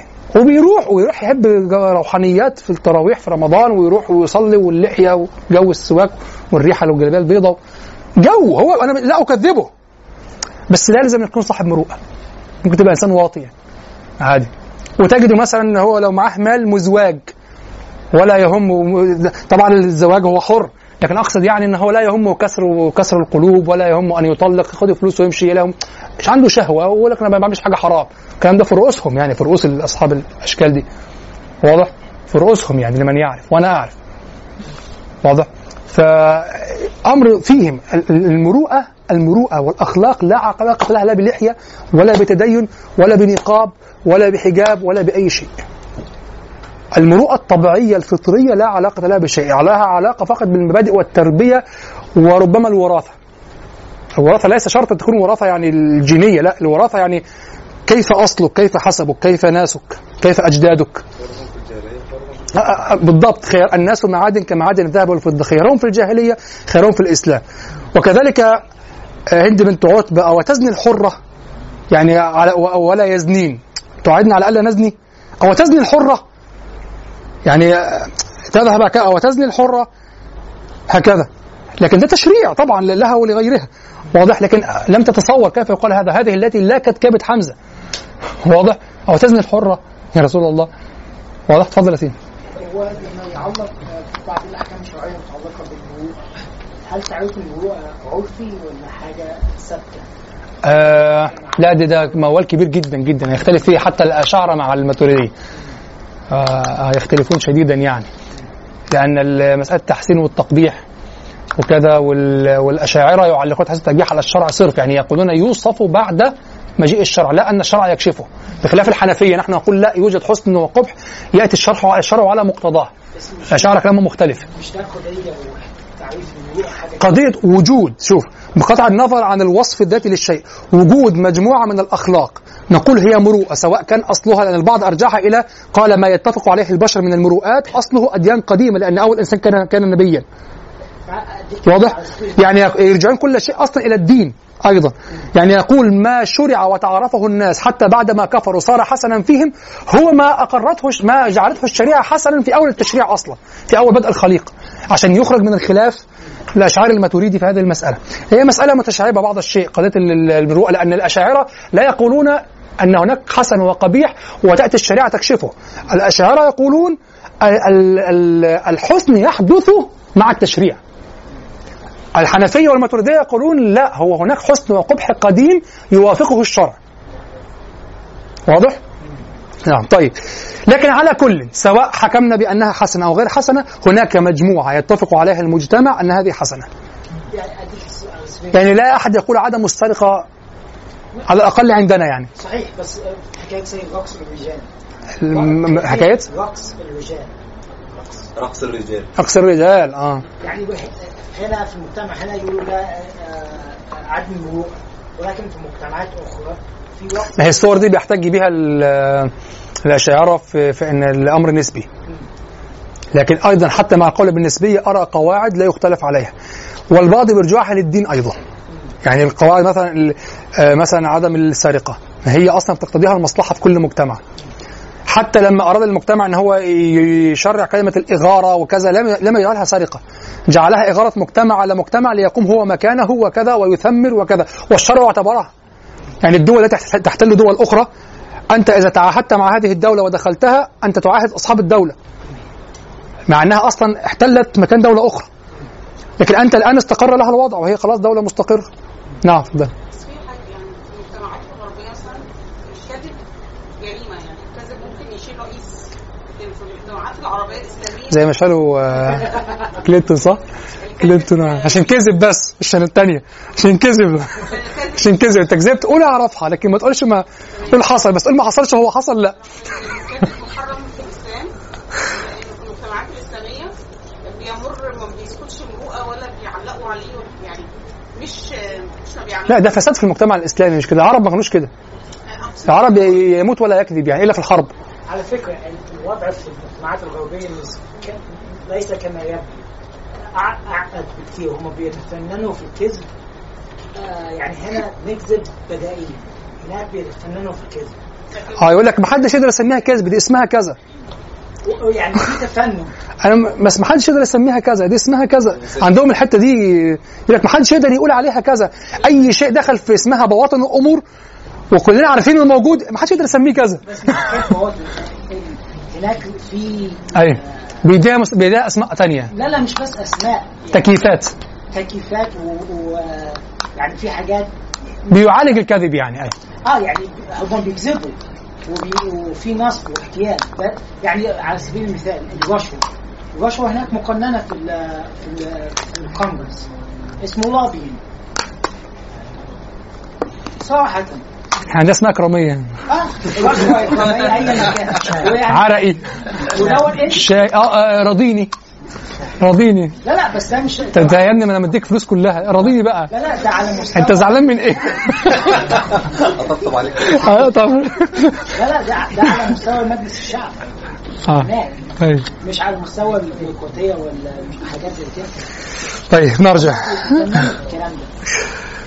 طيب آه فهو يقول بها العين والأرآم يمشين خلفة وأطلاؤها ينهضن من كل مجتمع فزهير بن أبي سلمى أو آه، دكتور مح... دكتور محمد أبو موسى ماذا يقول؟ يقول العين إحنا انقطعنا بالكلام عند نقطة معينة صح كانت إيه؟ ها؟ يعني كلام خطأ يعني طيب تمام طيب فهو يقول كلمة عين فيها إشارة إلى العين التي ستبصر و... وأنه ينبغي أن تتأمل هذا بعينيك وما إلى ذلك طبعا هذا خطأ ظاهر. طيب ثم يقول ثم إن ذكر الأرآم بعد العين يقدم لك أول شيء تراه العين وهو البياض الخالص الذي يتجسد فيه الحسن لأن الأرآم هي الصورة المتميزة والأرآم هي التشبيه المتميز للحسان يعني بها العين العين. ثم والأرآم البيضاء. فأعطاك صورة حسنة. فكل هذا صنع في نفس الدكتور محمد أبو موسى أن هذا البيت بيت حسن. لاحظوا يفسر كل هذا في معزل عن السياق وعن ثقافة العربي في بيان هذه الأشياء أو في ذكر هذه الأشياء. زهير ليس الوحيد الذي ذكر هذا الكلام. كثيرون غيره ذكروه ولم يدلوا به على هذا الكلام. طيب. ثم تأتي كلمة تمشين طيب خلاص. وبذلك آه يقول وبذلك بدأت السورة الحي كلمة يمشينا وبذلك آه نقرأ. قال ثم تأتي كلمة تمشينة والفعل المضارع فيها موضوع موضع الماضي لإحضار الصورة وبذلك بدأت الصورة الحية الرائعة في العين من العين والأرآم تتحرك. وكأن زهيرا يشير لك بإصبعه ويقول ها هن يمشين. ثم تأتي كلمة خلفة فتضفي على هذه الصورة المتحركة قدرا من التنظيم مغرب. قدرا من التنظيم والتنسيق والتتابع وأنهن جماعة تخلف جماعة ثم تأتي كلمة أطلاؤها فتنقلنا من متابعة العين والأرآم وهن الأمهات إلى إلى متابعة جيل آخر تنبته الأرض لاحظتم؟ لاحظتم الانتقالات والإعدادات؟ طيب ثم سيقول هنا كلمة سيمهد بها للمعنى الذي في نفسه ولم يبين أصل اللغة ولم يفصل لم يفصل المجاز عن الحقيقة. انظر ماذا يقول. بعد أن قال إلى متابعة جيل آخر تنبته الأرض قال واطلع ولد الظبية وولد البقرة وولد المرأة. هذا الكلام يوهم أن الطلى على الحقيقة ولد الظبية والبقرة والمرأة. قال هذا ليمهد للمعنى الذي يريد في البيت الذي رسخ في قلبه من الأول. خارج سياق الكلام. واضح؟ وفرق بين أن تقول عليكم السلام ورحمة وفرق بين أن تقول واطلى ولد الظبية وولد البقرة وولد المرأة وبين أن تقول واطلى ولد الظبي وولد البقرة حقيقة ويطلق على ولد المرأة مجازا. فرق كبير. وهذا اللفظ العام يوسع الدلالة. شوف شوف اللفظ العام جعل الطلى لفظا عاما ليس عاما. حقيقة ليس مجاز. يقول واطلى ولد الظبية وولد البقرة وولد المرأة. وهذا اللفظ العام يوسع الدلالة ويثير مشهد طفولة ويقربه منا زهير بهذا الفعل الزاخر الحي المفعم وهو فعل ينهضنا ترى فيه هذه الطفولة صار يستخدم كلمة الطفولة. ترى فيه هذه الطفولة تعالج النهوض لأنها حديثة عهد بالحياة والمضارع يصور لك ذلك ويحركه تحت بصرك وكلمة من كل مجثم تفيد معنى التعميم وأن هذه الطفولة تنبعث من كل مكان. وكلمة المجثم تومئ إلى معنى خفي ودقيق وكأن الأرض التي هي الديار والتي قدم ذكرها هي التي أنتجتها. ثم يقول وهذا مشهد من أي جهة نظرت فيه؟ رأيت صورة حياة حية تنمو وتتتابع في جو من الألفة والمحبة والعطاء. ولهذا قلت إن هذا البيت من أكرم شعر زهير. وأقربه من نفسه المحبة للحب والوفاء والعطاء والمبغضة للغدر وطي النفوس على الأحقاد والدمن. ثم هو كما قلت أيضا صورة ظاهرة لتجويد زهير وتثقيفه ورصفه لكلماته وكيف يفتح بعضها المع... وكيف يفتح بعضها المعنى لبعض. وأذكر بالقول بأن عمق الإحساس ببعض المعاني يفضي إلى مزيد من التجويد والتثقيف لها. وقد راجعت ذكر العين والأرآم في مطالع زهير لأصل إلى كنه هذه الصورة لأن دقة هذا التصوير ليست هي النهاية التي أرضى بالوقوف عندها ليست هي النهاية لكن ينبغي ألا تكون ألا تسلك هذا الطريق أصلا. هناك نهاية في طريق آخر. لأنه للأسف وكأنه لم يرى إلا هذا الطريق الذي يفخم فيه قيمة المعنى. صح؟ طيب. في شرح معلقة من القيس أنتم لاحظتم كيف قرأت لكم التفسيرات الإشارية أو الرمزية من كتاب آه كتاب التذوق البياني أو المرور التذوق الأسلوبي للدكتور آه اسمه إيه؟ حمود. أه؟ أبو حمدة دكتور أبو حمدة الأردني ورأيتم كيف فسرنا القصيدة في قلب تركيبها اللغوي وألفاظها في في التفسير العربي المباشر الواضح أو الذي لا يسلك مسالك ترميزية الذي عمقه من دلالاته وإشاراته وليس من ترميزاته وإشاراته البعيدة التي تشبه إشارات الصوفية يعني. واضح؟ ورأيتم كيف كان كيف كان القبح باديا على التفسير الإشاري والنسيج والكذا والأقمشة التي تملأ القصيدة وأقامها على النسيج وفسر تفسيرات غريبة جدا وجعل كدينك من أم الحوارث قبلها دليلا على على النصرانية البادية في بعض الأشعار. فقال كدينك وليس كدأبك رجع كدينك لأجل الدين الذي يشير إلى الدين. الذي هو النصرانية واضح؟ طبعا هذا الكلام خطأ تماما هذا كلام خطأ تماما وفيه مبالغات وكذا المشكلة أين المشكلة؟ المشكلة أنك تفهم الشعر أولا فهما سطحيا سطحيا جدا فإذا أردت أن تتعمق في الشعر ماذا تفعل؟ تعجبك هذه الترميزات هذه الترميزات ليست ليست تعمقا لأن كل ما فيها أنك وضعت بإزاء كل لفظ بدلا من أن تضع المعنى المراد منه وضعت المعنى الإشاري وهذا له معجم يكاد يتفق عليه. فأنت خرجت من الإتقان الذاتي أصلا وإنما القوة الشعرية في أن تستعمل كلام الناس وطرائق الناس وألفاظ الناس في ماذا؟ في إحداث معنى منفرد عميق. أنتم رأيتم في أبيات من القيس ما لم كنتم تتوقعوه من الإشارات العميقة في المعنى واتصالها بالذكرى السائرة في القصيدة. ومما انتبهت إليه في الفترة الأخيرة في معرفة من القيس أنها تؤدى ببطء. لماذا؟ لأنها ليست جمل وإنما كلمات. لأن كل كلمة في أوصافه فيها مرتبطة ارتباطا مباشرا بماذا؟ بالذكرى يتحدث عنها. فكل كلمة يتذوقها. لما قال تقول وقد مال الغبيط تقول وقد مال يعني شوف الحال وهو الحال تقول وقد مال الغبيط بنا معا. لازم نبدا نقف على بنا ومعا. لأن بنا تشبه معا ومعا تشبه بنا. ما الذي يجعله بنا معا؟ عقرت بعيري يمرأ القيس فانزلي لا يمكنك أن تجريه هكذا جريا. واضح؟ مع أن عقرت بعيري حقيقية يمرأ القيس حقيقية فانزلي حقيقية. ليس فيها إشارات. لكن الجمال فيها في ماذا؟ أنه استعمل ألفاظ الناس وكلام الناس في إنتاج تحفة فنية جديدة.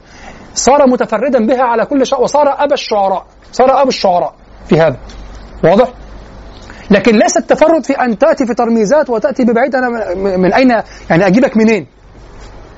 عرفني أنت بتدل ما حط شفرات وحط ضع شفرات وضع كذا انشئ علاقات. دور على أي عشرين في القصة بتاعت ال... ابحث عن أي ضعائن ضعنت هنا يبقى الشاعر كان يقصد هذه الضعائن أين الفن؟ أين التعمق؟ أين استعمال اللغة؟ زي رقم 19 آه آه دور بقى. ده في إبداعات طلعت في 11 سبتمبر وفي الأرقام والتواريخ وأسماء الشوارع.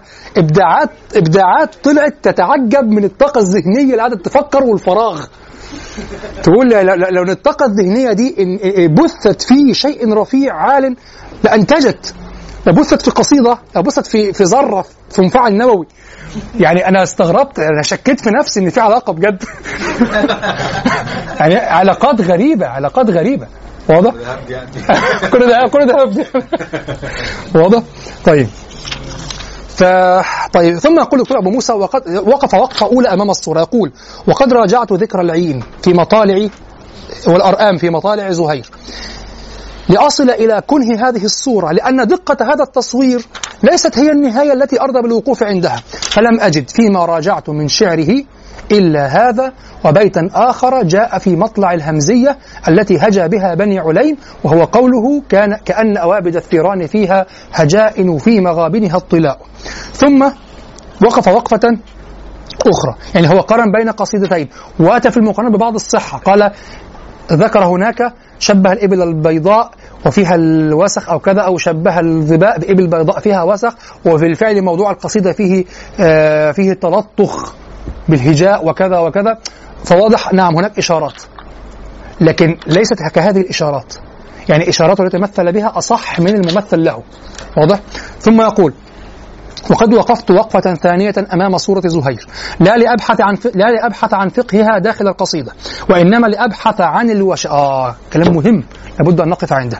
وإنما لأبحث عن الوشائج التي تربطها تربطها ببقية صور القصيدة لأن هذا لا يقل أهمية عن جذر الصورة ومغزاها. ولا أشك في أن البحث عن الوشائج والروابط التي تكون بين مكونات القصيدة هو من صميم فهم الشعر وغيابه يعني غياب أهم ما في الشعر. وقد بدا لي أن هذه الصورة الزاخرة بالحياة تلتقي على وجه المقابلة مع قوله تفانوا ودقوا بينهم عطر منشم والتعارض والتقابل والتضاد ظاهر جدا بين الصورتين. آه انتبهوا هنا لهذه القضية الخطيرة. هذا الكلام صحيح لا غبار عليه. أن تبحث عن الروابط سواء على سبيل التقابل أو على سبيل التوافق بين مكونات القصيدة صح؟ ولكن لم يتنبه الشيخ لا في تنبيهه ولا في عمله. إلى ماذا؟ إلى أن شرط إنتاج هذه الروابط وشرط اعتبار هذه الروابط في فهم القصيدة أن تكون هناك علاقة بين مواضع هذه الروابط تنتظم بها الرابطة في السياقين أو في السياق بين الطرفين. يعني أنا الآن أستطيع في كل قصيدة أي قصيدة هات لي أي قصيدة. أقول لك بص هنا قال فوق وفي الأخير قال تحت. صح؟ هناك تعارض وتقابل وتضاد كالذي حكى عنه الشيخ. ما الذي يجعل هناك ما الذي يجعل عندي علاقة وأثر لإلى أو لفوق وتحت؟ يسالمون يحاربون. صعدت نزلت. ما الذي يجعل ما الذي يصنع الأثر في فهم القصيدة؟ ما الذي يجعل هذا رابطا أصلا وعلاقة أصلا؟ وجود سياق ينتظم يجعل مجيء الموضعين المتعارضين المتقابلين أو المتوافقين على هذا السياق منتجا لفهم. معتبرا صح؟ فإذا انقطع السياق لا يصح. إذا انقطع السياق لا يصح. الدكتور أبو موسى في هذا الكتاب وفي كل كتبه تقريبا لا يراعي هذه السياقات ويبحث عن العلاقات. هذه مشكلة من مما اكتشفته في كتب الدكتور أبي موسى. ينشئ الروابط يبحث عن الروابط وينشئها. ولا يراعي أن السياق لابد أن يوجد قبل الروابط. يأتي بالروابط يحاول أن يصنع منها سياقات. مع أنه من المحتمل ألا تكون روابط وألا تكون علاقة. وأنا فعلت هذا في شرح الأول. أنا حذفته من اليوتيوب. شرح الأول على معلقة ابن القيس. بحثت عن الروابط وظللت أبحث عن الروابط وظللت أنشئ حتى أنشأت قصيدة في عالم آخر موازية لهذه القصيدة وليست هي نفس القصيدة. وأنشأت علاقات غريبة. لأنني في الأول منذ سنوات تأثرت بهذا الكتاب دكتور أبو موسى. هذا كان أول ما قرأته في الأدب. وتأثرت وانطلقت وأنا بطبيعة التقعيد. لو تلاحظون في كل شيء أضع قواعد أحاول أث- أو أستثني أو كذا. طبيعات التقعيد أبحث عن العلل. لماذا فعل هذا؟ ما القاعدة؟ ما المفهوم الذي كان في رأسي؟ سواء كان قاعدة أو غير قاعدة. فقاعدت هذا. فأخذت أبحث عن علاقات. يعني مثلا انظر وجدت علاقة بين ماذا وماذا. وجدت أنشأت علاقة بين قوله آه، ألا رب خصم فيك أل ورددته آه تسلت البيتان تسلت عمايات الرجال عن الصبا وليس فؤادي عن هواها بمنسلي. ألا رب خصم فيك أل ورددته نصيح على تعذاله غير مؤتلي. ربطته بقوله آه في نفس القصيدة آه ربط نعم ربطته بقوله آه وتيماء لم يترك بها جذع نخلة ولا أطما إلا مشيدا بجندله فهمتم؟ ما الذي في هذا البيت وفي هذا البيت؟ في قوله تسلت عمايات الرجال عن الصبا وليس فؤادي عن هواها بمنسلي. ألا رب خصم فيك ألوى رددته نصيحنا ربط هناك حب يتمسك به. كل الرجال عقلوا هو لم يعقل. خلاص؟ وليس فؤادي عن هواها بمنسلي. ثم ينصحونه فيها ويصدهم. واضح؟ انظر إلى وتيماء لم يترك بها جذع نخلة ولا أطما إلا مشيدا بجندل. هل أنت المشيد بجندل؟ يعني أنت الذي وربطت بينها وبين يكب على الأذقان وأخذت من الأذقان الإنسان. دوحة الكنهبلي إذا أسقط ملوك من؟ أسقط ملوك كندة وأما أنا آه آه آه آه عليها فتى لم يح لم تحمل الأرض مثله أبر بميثاق وأوفى وأصبر إلا مشيدا بجندلي. فلو أنما أسعى لأدنى معيشة. في اللمية الأخرى. كفاني ولم أطلق. وفي الأخير فسرت القصائد الثلاث. ألا عم صباحا وقف نبكي وسمى لك شوق فسرت القصائد الثلاث تفسيرا رمزيا. بإنشاء الروابط دون سبق السياق. لأنك لما أنشأت الروابط أنشأت سياقا على هذه الروابط. وقد لا يكون هذا السياق مقصود أصلا. لأنه من المحتمل من الأول أن هذه الكلمات ليست روابط. لا علاقة لها ببعضها أصلا. واضح؟ فجعلت فاطمة التي قالها في الأول فاطمة مهلا هذه ملك الضائع وجعلت القصيدة رمزية. والدكتور أبو موسى فعل هذا. جعل القصيدة رمزية ولذلك قال ابن قيس عفيف. هو صور كل هذه الصور معادل موضوعي كما يقول ال- ال- الشكليون المعادل الموضوعي أو ما يسمى بالمعنى الإشاري أو الإشارات أو الإيماءات كما قال الدكتور أبو موسى أو كذا هي معان مجاورة قصيدة أخرى تسير بجوارها في عالم آخر واضح؟ هذا قلته في الأول و- وشغفت به وفرحت به لماذا؟ نعم هكذا الشعر له قيمة في فن ثم تبين لي أن الفن الحقيقي هو أن تستعمل الألفاظ كما استعملها الناس ولكن أرنا ما يمكنك أن تنتجه من المعنى الجديد. وإلا فإنتاج المعاني من خلال الصور الترميزية والإشارات سهل. كنت كنت معجبا فقط بالمناورة والطريقة والدلالة وكذا وكذا. لكن أنت أخرجتني أصلا من من الصيد بالفرس وأخرجتني وأيضا فألحقنا بالهاديات. فألحقنا بالهاديات.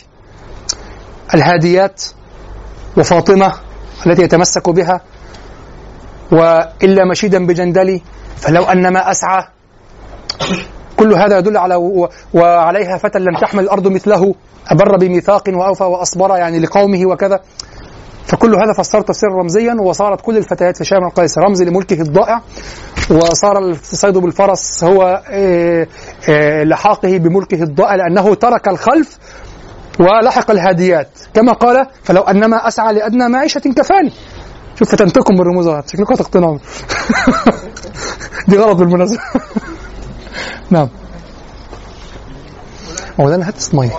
مية. هو حضرتك يعني الشيء اللي خليك تتنبه لمثل هذه الأشياء لأن في ناس تطلعش. طيب هو آه طول العهد في الشيء. يعني أنت كلما مكثت في الشيء ولم تكتفي بما أنت فيه وعلمت أن هذا الشيء أكبر منك تسلم وعلمت أن هذا الشيء أكبر منك فأنت تستبلغ فيه مبلغا.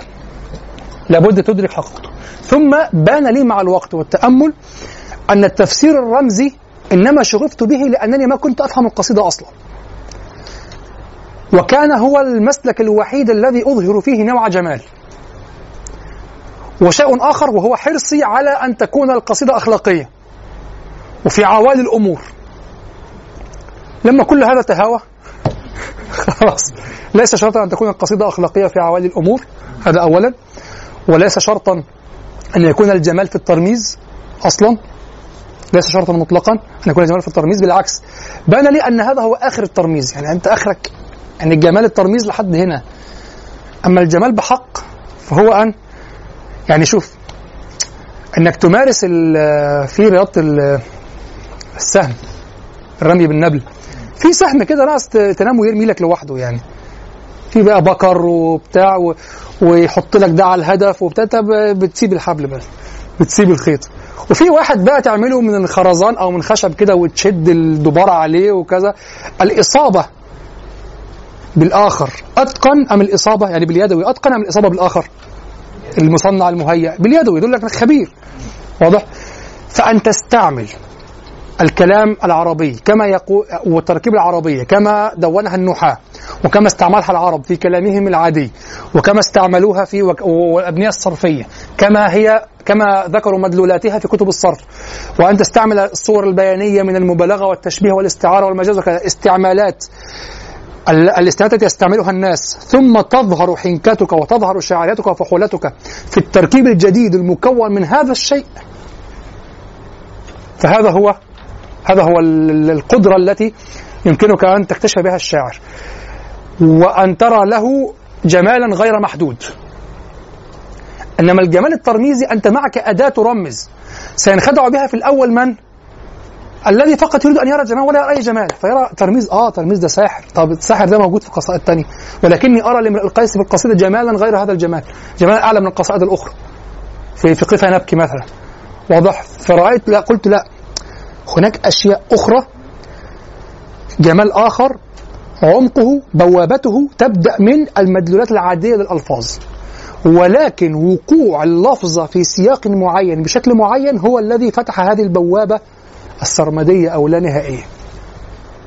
ولذلك أنا الآن أنا كنت قديما أشبع من معركة بن القيس. لما كنت في ترميزا أشبع من كتر ما أتلوها أشبع. الآن لا أشبع. أنت لا تشبع من تقول وقد مال الغبيط بنا معا. عقرت بعيري يمرأ القيس فانزلي. في سياق فهمك للقصيدة وأنها ذكرى. وأنه كان وكان وكان وتربط القصيدة من أول قطع نبكي من ذكر حبيب وزيه لا يوجد بيت في القصيدة تفسره مستقلا عن سياق القصيدة. لا يمكن. تفضل. كلام حضرتك يبدو بديهي يعني مش في التفاصيل بس. المنهج بديهي حصل إيه في الانحراف؟ هتفهم أي حاجة لازم تفهم اللغة أصلا؟ بديهي لكن إحنا للأسف كدول عالم خامس أو سادس أو سابع آه عندنا مزيج بين عندنا مزيج بين عدم دراسة الاداب العربية وعدم فهم طرائق العرب مع ضعف اللغة عموما مع آه علو كعب آه الغرب في نظرنا في دراسة في المناهج الغربية. واضح؟ العرب طبعا الغرب طبعا آه المنهج الكلاسيكي والكذا يدرس في دار علوم أكثر من منهج ما فيش أصلا منهج عربي في دار علوم وبيدرس المنهج الغربي.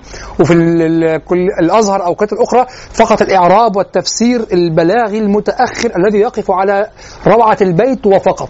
وإذا أراد أن يربط البيت بما قبله ربطه إما ربطا متكلفا في المعنى أو ربط لغوي في الدلالة ليس أكثر. ولا يهتم بوحده القصيدة والدراسة وكذا. البلاغة التقريرية التي استقرت في الصورة للأسف في الصورة المنحصرة في البيت. هذه مشكلة كبيرة جدا. لا تكاد تجد من المتقدمين من يهتم بهذا. لكن تجد في كلام القدماء من الجاهليين وأوائل الإسلاميين ما يدل على أنهم يفهمون قضية الوحدة في القصيدة وأنها معتبرة عندهم. آه.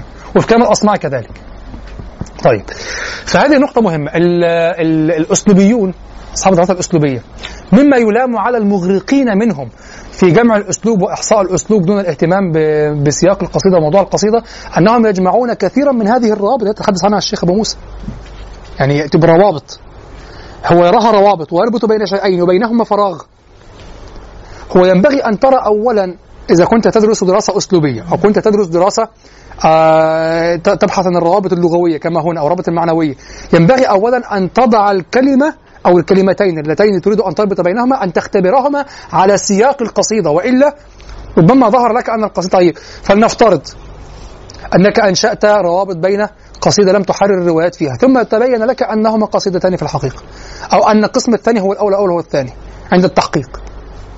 تحقيق الرواية أنت أنشأت روابط لكن ليست هي سياق القصيدة. واضح؟ كما قلت فوق فوق تحت يصعد ينزل.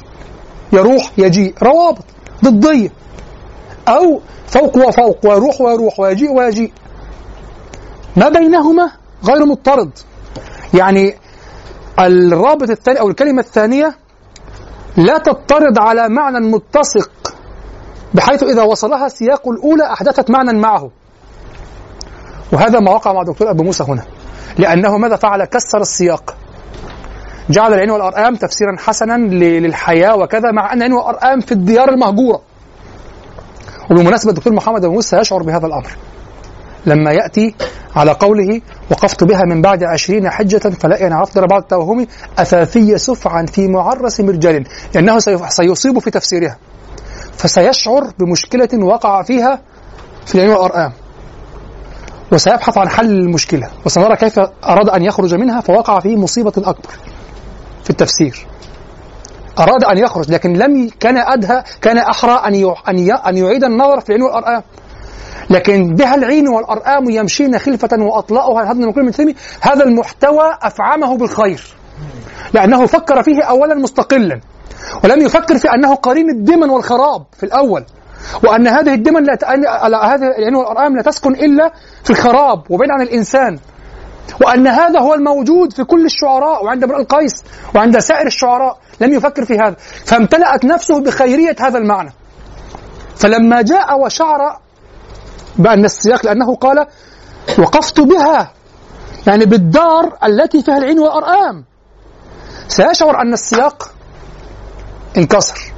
فسيبحث عن مخرج. وسيقع في مخالفة أكبر وفي مغالطة أكبر في السياق. طيب نحن سنأتي إلى الكلام إن شاء الله. فهو يقول بها العين والأرآم يمشين خلفة وأطلاؤها ينهضن من كل مجتمع آه يقول هنا ثم رأيت أيضا أنها بمكوناتها من الطفولة والأمومة والحنين والرضاع والحياة والحيوية تتقابل. انظر يصنع الروابط الآن. تتقابل. مع صورة أخرى مكونة من مخلوقات كريهة ومرعبة. طبعا المجازات تساعده لأن المجاز يخرج ويقرب الصورة صورة المجاز يقربها من الصورة التي فسر بها التفسير الأول. مكونة من مخلوقات كريهة ومرعبة ومقبضة وأقصد المخلوقات التي تراها تتدفق من قول زهير فتنتج لكم غلمان أشأم كلهم كأحمر عاد ثم ترضع فتفطمي وضع الصورتين بين عينيك. حاضر. وردد النظر فيهما. حاضر. ولاحظ ترضع. وهو متضمن هناك في قوله ينهضن. على حد ما فسر ثعلب. لما ثعلب قال ينهضن من كل مجثم لما تناديها أمهاتها لإرضاعها فتقوم إليها. فيقول وإنما أراد زهير. أشقى ثمود الذي جر الدمار على قومه وأطبق عليهم العذاب بفعلته. وقد أسند الحق سبحانه فعله الشنيع إلى قوله فقال جل شأنه فدمدم عليهم ربهم بذنبهم فسواها ولم يقل سبحانه بذنبه ليعلمنا سبحانه أن الساكت عن الباطل والمهادن له والمعايش له هو وصانعه من باب واحد. راجع قوله سبحانه فكذبوه فعقروها.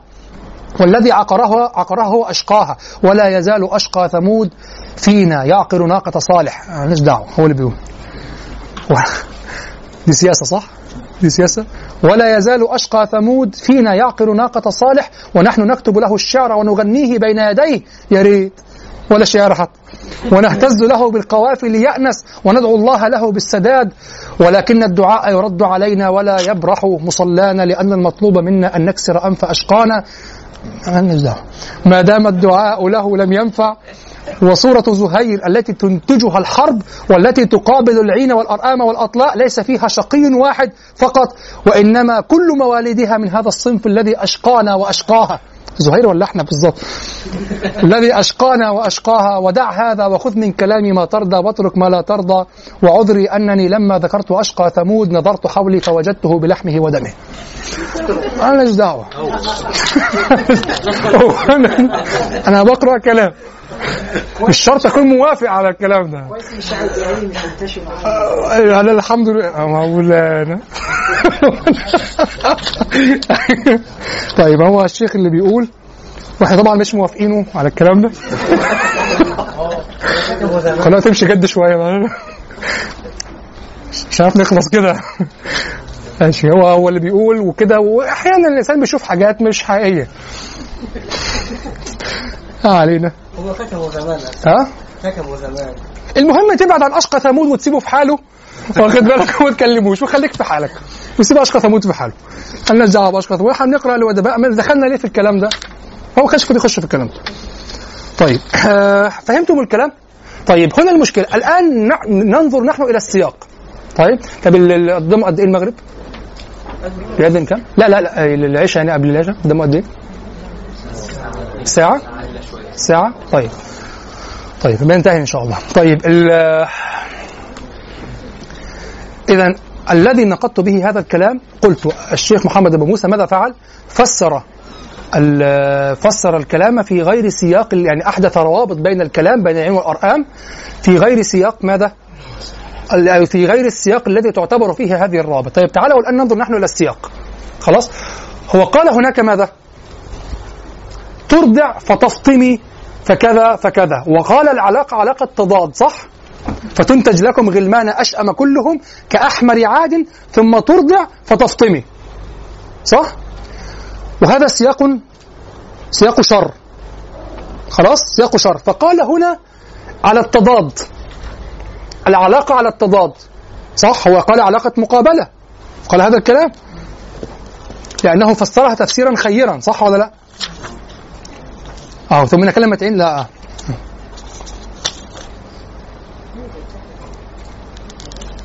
يعني لما قال وكأن زهير يعني يسير إلى بني ذبيان بهذه بهذا الخير وبهذه الحياة وبهذه الطفولة وبهذه كذا وبهذا الأمان وكذا وكذا. إذا هو يريد أن يقابل الشر هنا بما يعارضه هنا صح؟ بالخير. صحيح؟ إذا هو يرى العين والأرآم خيرا. العين والأرآم لم تأتي في سياق الخير. لأنها لا تكون على هذه الصورة إلا في وهو لم يخالف هذا لذا خالف عبد زيد. قال لا تكون إلا في, في هذه الصورة إلا إذا كان ماذا؟ إلا إذا كانت في خراب الديار. ونرى الشعراء يذكرون العين والأرآم مع خراب الديار يعني في سياق الشر. فالعلاقة بين بها العين والأرآم يمشين خلفة وأطلأها ينهضن من كل مجتمع. مع فتنتج لكم غلمان أشأم كلهم كأحمر تبضع فتفطمي. العلاقة علاقة توافق لا تضاد لو أطردت السياق. السياق الذي هو استعارة هذه القصيدة أيوة هذه المقدمة للقصيدة لسائر القصيدة.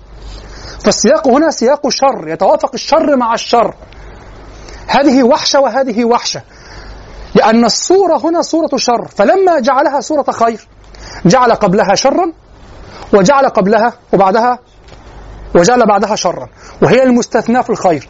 ومن يعني نريد أن نفهم كيف بعدما وهو بعد ذلك سيقول لما قال آه آه تبصر خليلي هل ترى من ضعاء إن تحملنا بالعين فوق جثمي هو يمثل لهم وقد هجروا الحرب وقد هجروا الخراب وقد هجروا الخيانة. جعلنا القنان عن يمين وحزنه ومن بالقنان محل ومحرمه ظهرنا من السبان ثم جازناه على كل قناة خشب مفأم كأن فتاة في كل منزل نزلنا به فلما وردنا ماء زرقا جمامه فهو يقول هجروا الخراب وتركوا جبل القنان بما فيه من محل ومحرم وكذا وكذا. فما تركوه خراب. فكيف تركوا هذه الحياة في هذه الأرض التي تمرح فيها الظباء والأرآم وهذه الصورة؟ يعني هل هو أتى لهم بهذه الصورة الخيرة من بين الدمن ومن بين كذا وكذا؟ لا السياق كله سواء السياق في القصيدة من حيث كونه إشارات وإيماءات واستعارات. أو سياق استعمال العرب لهذه الصورة بقطع النظر عن المحتوى الذي ضمنه الزهير وهو خاص به واضح؟ الذي ضمنه الزهير كشاعر أو من حيث كونه شاعرا ضمنه في المقدمة من حيث كونها مقدمته واضح؟ سواء من حيث المعنى والسياق أو من حيث ما ضمنه زهير موافقا بذلك طريقة العرب كله يقتضي أن يكون العين والأرآم أن يكون أن تكون صورة العين والأرآم. وأطلقها ينهضن من كل مجتمع تكون في داخل الشر. ولكن كما قلت الانحصار في تفسير البيت وفي الحقيقة لا يفسر أحدا أحد البيت منحصرا إلا وفي عقله خلفية أخرى يفسره على أساسها يعني في عقله مخزون أن الغزلان صورة خير دائما. انظر أثرت فينا ثقافة حادثة بعد الجاهليين بخمسة عشر قرنا فهمتم؟ العين والأرآم ترتع في الديار هذا شر عند العرب. نحن عندنا الغزلان إيه؟ حلوة. صح؟ الغزلان الغزلان. الغزلان الحقيقية خير بيضحك في الأرض. الغزلان اللي هي الغزلان يا مان. ليس للنساء الجميلات. واضح. الغزلان عندنا رمز جمال ورقة و... ودايما دائما تظهر في الأرض المعشبه الجميلة. دي في عالم دي في جهاز حيوانات بره مش هنا. يعني في حدائق حيوان متصورة في حدائق حيوان ومحميات في الخارج. أفلام أجنبي. واضح. إنما الغزلان الذبال الأرقام العربية دائما مع الصحراء ومع الصخور. وبجوار الوعول في الجبال الصخرية والكهوف وكذا. هذه إذا سكنت الديار هذا شؤم. معناها أنها مهجورة. ترى بعض الأرقام في عرصاتها وقيعانها كانها حب في الفل. لكن الدكتور محمد أبو موسى حصر البيت ثم فسره على برنامج مستمر مكتسب. صح؟ طيب سؤال ولماذا حصر البيت أصلا؟ لماذا لم يستمر السياق كما نجح في غير هذا من المواضع؟ بقايا هذه المشكلة المتأخرة في القرون الأخيرة التفكير في البيت الواحد وهذه طريقة غير عربية أصلا يقول النقاد العرب يقول لا والله العظيم طريقة غير عربية بدأت من أول ما بدأوا ينظرون في إلى آداب الأمم الأخرى وبدأوا ينظرون في العبارات والجمل المكدوسة بالمعاني على طريقة الحكمة المغلقة التي ينفصل تنفصل فيها العبارات وتقصر التي ينفصل فيها البيت عن البيت واضح؟ كل هذا ليس في كلام العرب والبيت في شعر القيس يعني أنت ترى السحر في من أول كلمة إلى آخر كلمة في كلام في, في قفا نبكي لو قطعت البيت من قصيدته انطفأت عنه انطفأ عنه الطيار انقطعت عنه الكهرباء. أنت أصلا دخلت البيت وأنت مشحون بشحنة من السياق ودخلت إلى هذا البيت ليعمل عمله مع الشحنة المسحوبة الموجودة. واضح؟ يعني لو قلت لك الآن مثلا مثلا هذا البيت هكذا وحده. فلما أجزنا ساحة الحي وانتحى بنا بطن حقف ذي ركام عقنقل يعني ما يعني ما المطلوب؟ أصلا أصلا هي من الأول إذا قرأت القصيدة هي بيضة خدر لا يرام خباؤها. لا تفكر في لا لا ليس لا يقتحم خباؤها لا يوصل إلى خبائها لا يرام. يعني ما يعني كانوا بالبلدي بيقول وبنت بيضة خضر مخدرة محدش يفكر يوصل لها محدش يفكر يروح ما يشاورش عقله أصلا. على عليها أحراس وعليها كذا وبنت كبير القوم وكذا. هذه هي التي خرجت بها تمشي تجر وراءنا على اثرنا أذيال مرت مرحلة. فلما أجزنا ساحة الحي وانتحى بنا بطن حقف ذي ركام عقنقل حصرت بفودي رأسها فتمايلت علي هضيم الكشح ري المخلخل. قولك حصرت بفودي رأسها فتمايلت. مشحون الهاء ضمير. حصرت بفودي رأسها سيعود على كل المذكورة. يعني بيضة الخدر بكل الأوصاف. صح؟ فحصرت بفودي رأسها. إذا من دي بيضة الخدر لا يرام خباؤها هي التي كذا وكذا. لكن لو قلت في الهواء هكذا ابتداء. حصرت بفودة رأسها. ستحمل الهاء على حبيبتي. حبيبة صح؟ أي حبيبة؟ بتحكي عن حبيبة لك. حصرت حصرت بفودة رأسها فتمايلت علي هضيم الكشح رأي المخلخل لكن امرؤ القيس من؟ بيضة خدر. لا يرام خباؤها. تمتعت من لهو بها غير معجل. تجاوزت أحراسا وأهوال معشر. علي حراس لو يشيرون مقتلي إذا ما الثريا في السماء تعرضت فعل كل هذا ليصل إليها. بيضة الخدر التي لا يرام خباؤها لا تفكر فيها. واضح؟ وسأخذ على ذلك في وصفها وكذا. فلا يمكنك أن تقص البيت. لكن بقي التفكير مع أن نظريا دكتور أبو موسى من أشد المنافحين عن اتصال السياق في القصيدة ولا تفكر في البيت مستقلا نظريا. عمليا متأثر. لأنه ما امتلأت نفسه بمعنى الخير من بيت العلم والأرقام إلا بعدما فكر في البيت منفصلا أصلا. ليس فقط منفصلا عن السياق منفصلا حتى عن عرف العرب في القصائد الأخرى. أن والأرقام تذكر دائما مع الدمن ومع الخراب. لأنه في ثقافة العرب وهذا مهم حتى على اي أي مذهب حتى المذاهب الغربية حتى البنائية التي تقول لابد أن تنظر في النص دون تاريخ الشاعر دون سيرة الشاعر دون نفسية الشاعر دون كذا. البناء البنيوية والشكلانيه الحديثه حتى هؤلاء يقولون الشيء الوحيد الذي تدرسه الشيء الوحيد ثقافة هذا النص. يعني كيف يتكلم أصحابه؟ لابد أن تفهم ثقافة النص لا تفسره بثقافتك أنت.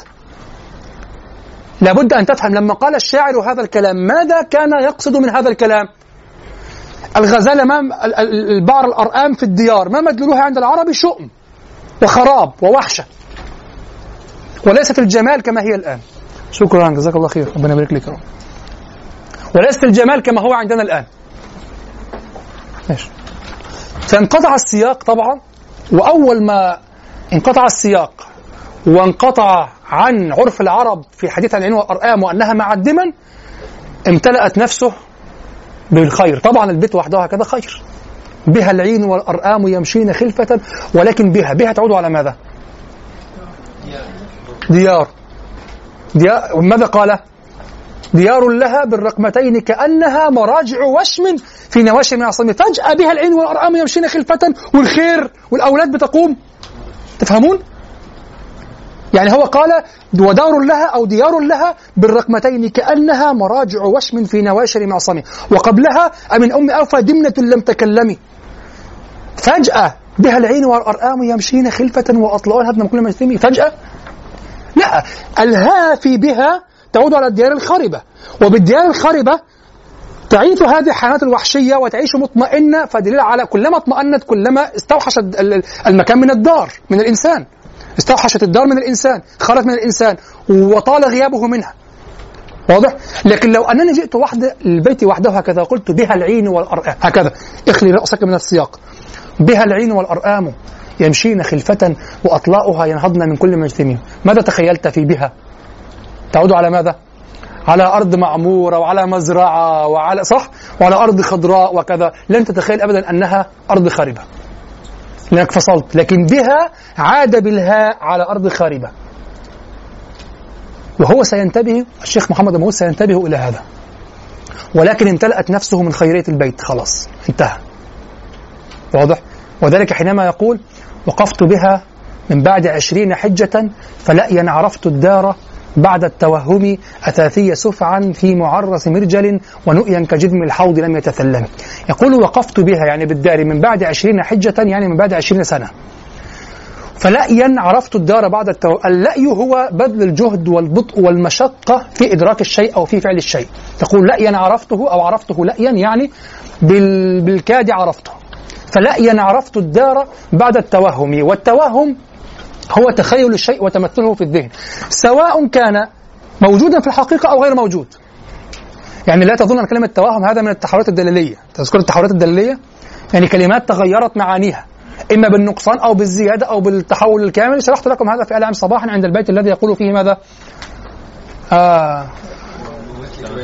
ومثلك بيضاء فاكر الكلام ده البيت بيت دمر طبعا البيت ومثلك بيضاء العوارض طفلة لعوب تنسيني إذا قمت سربال البيت في عصرنا يوحي.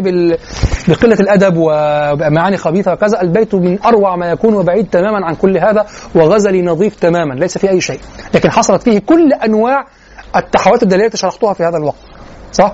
فكذلك هنا فلا أنا عرفت الدار بعد التوهم يعني بعد التخيل والتمثل وليس التوهم معناه أنه وهم مش موجود واضح؟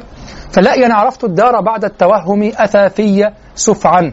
الأثاثي يقال الأثاثي بالتخفيف والأثاثي بالتشديد وهي جمع أثفية وإثفية وهي الحجارة التي تصنع آه تصنع لأجل أن يوضع عليها القدر. يعني مثلا يأتون هكذا وهي يقال آه يقال ثالثة الأثافي لأنها تكون ثلاثة أثافي هكذا يأتون بالحجارة ويبنون مثلثا هكذا.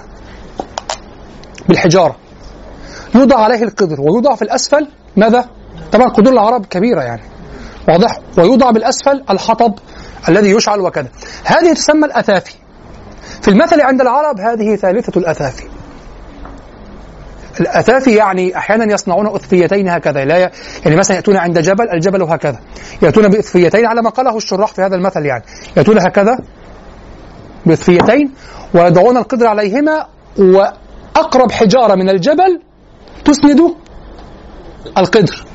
فيقولون وهذه ثالثة الأثافي يعني هذه أقواها وهذه المصيبة الكبيرة. فإذا استعانوا عليك بجيش ثالث مثلا قوي كذا كل هذا ثالثة الأثافي واضح؟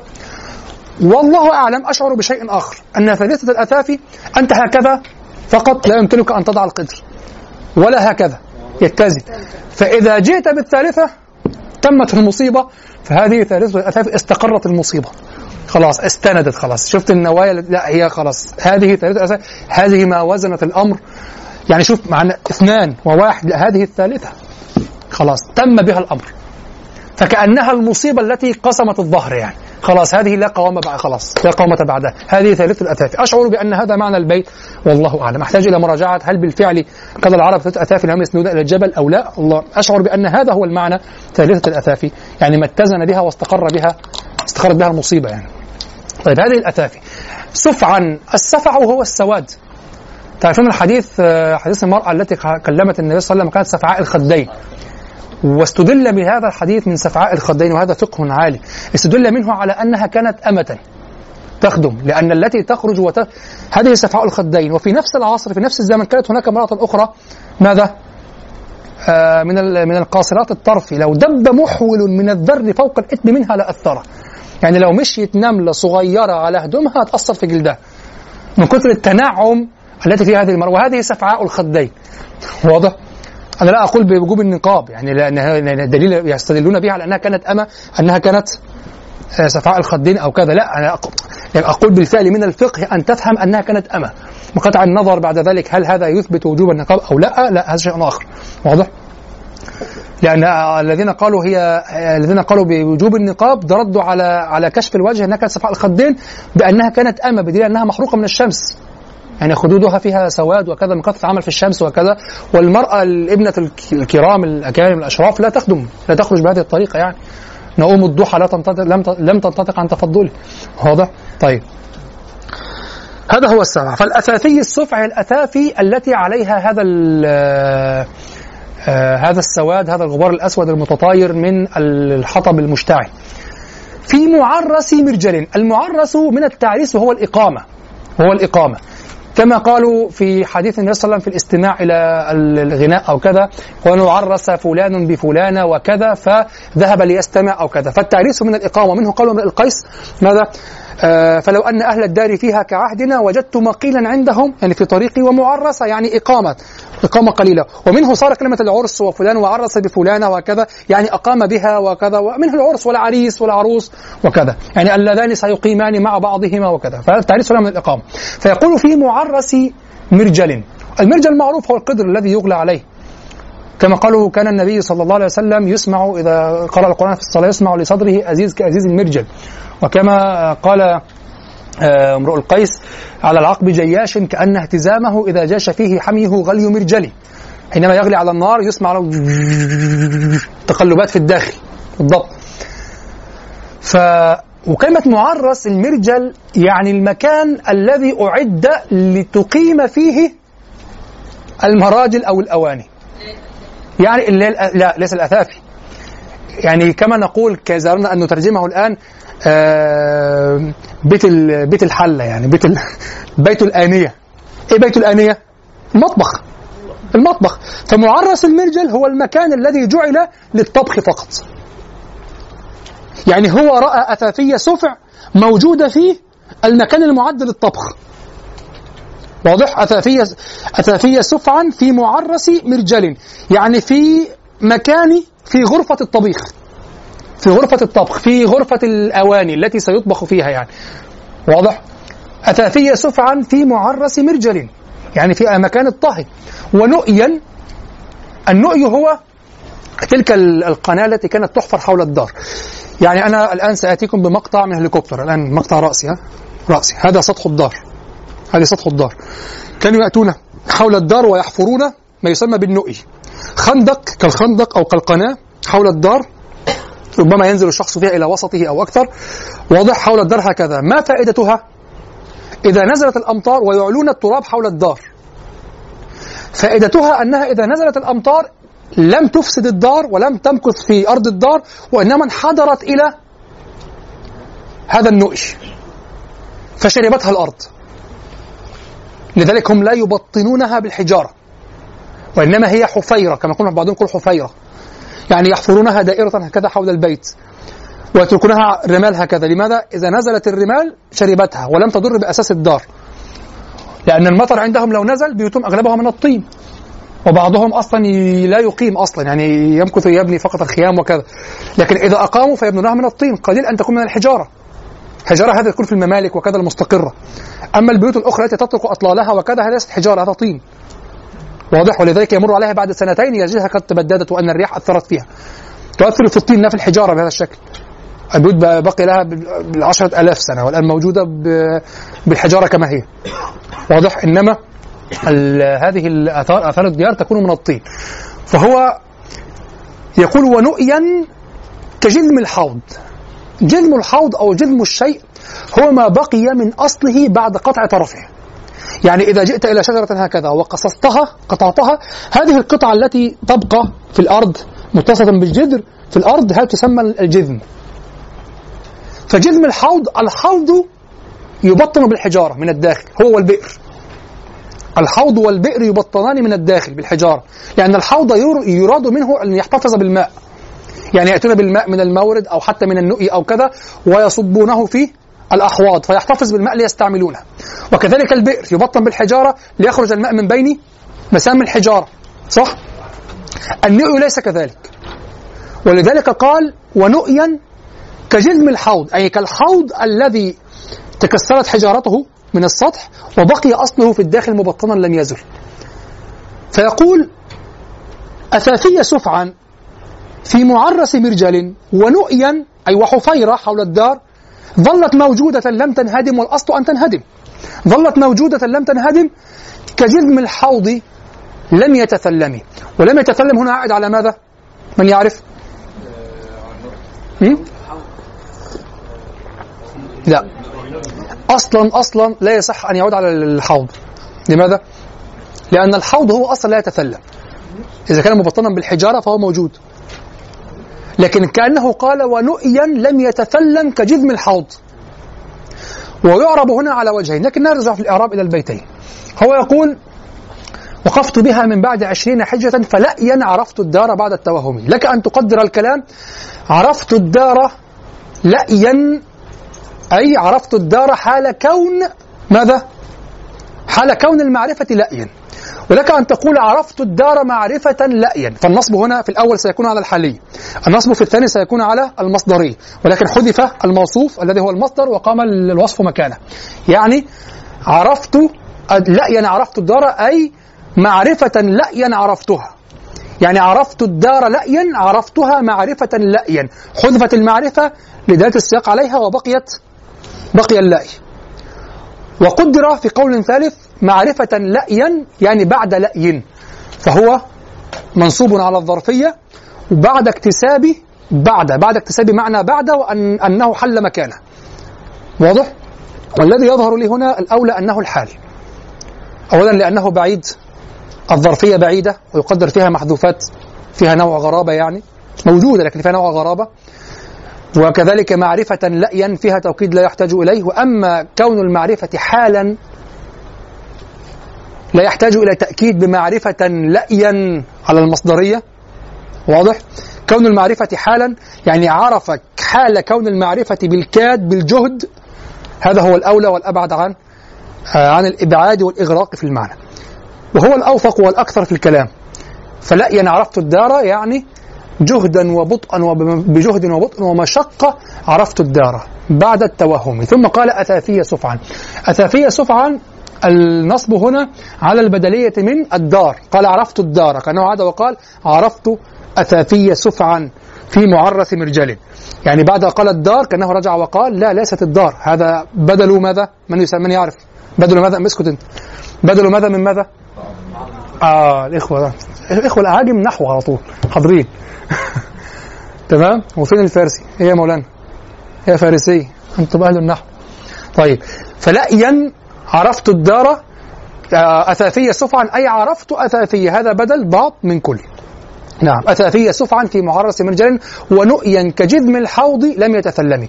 قوله لم يتثلم هذه العبارة من تقع في آه، النؤي موضعين. تكون في موضعين في موضع الحال أو في موضع الصفة.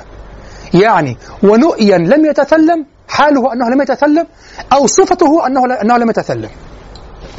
إذا نظرنا إلى أن الأصل في النؤي أنه من التراب وأنه ينهدم فالأولى ربما والله أعلم أن تكون حالا لا أن تكون صفة. يعني حاله التي رأيته عليها لأنه صفة له لأنه ليس من الطبيعة أن النؤي لا ينهدم. حاله التي رأيته عليها هو أنه لم يتثلم. يعني رأيت ونؤيا رأيته لم يتثلم كجذم الحوض. واضح؟ أمامنا وقت ولا خلاص؟ لا لا نقوم نقوم نقوم نصلي نقوم نصلي أين النكرة مولانا؟ أنت متأكد؟ نكمل المرة القادمة إن شاء الله وابحث عنها هو الذي بعث في الأميين رسولا منهم يتلو عليهم آياته ويزكيهم ويعلمهم الكتاب والحكمة وإن كانوا من قبل لفي ضلال مبين.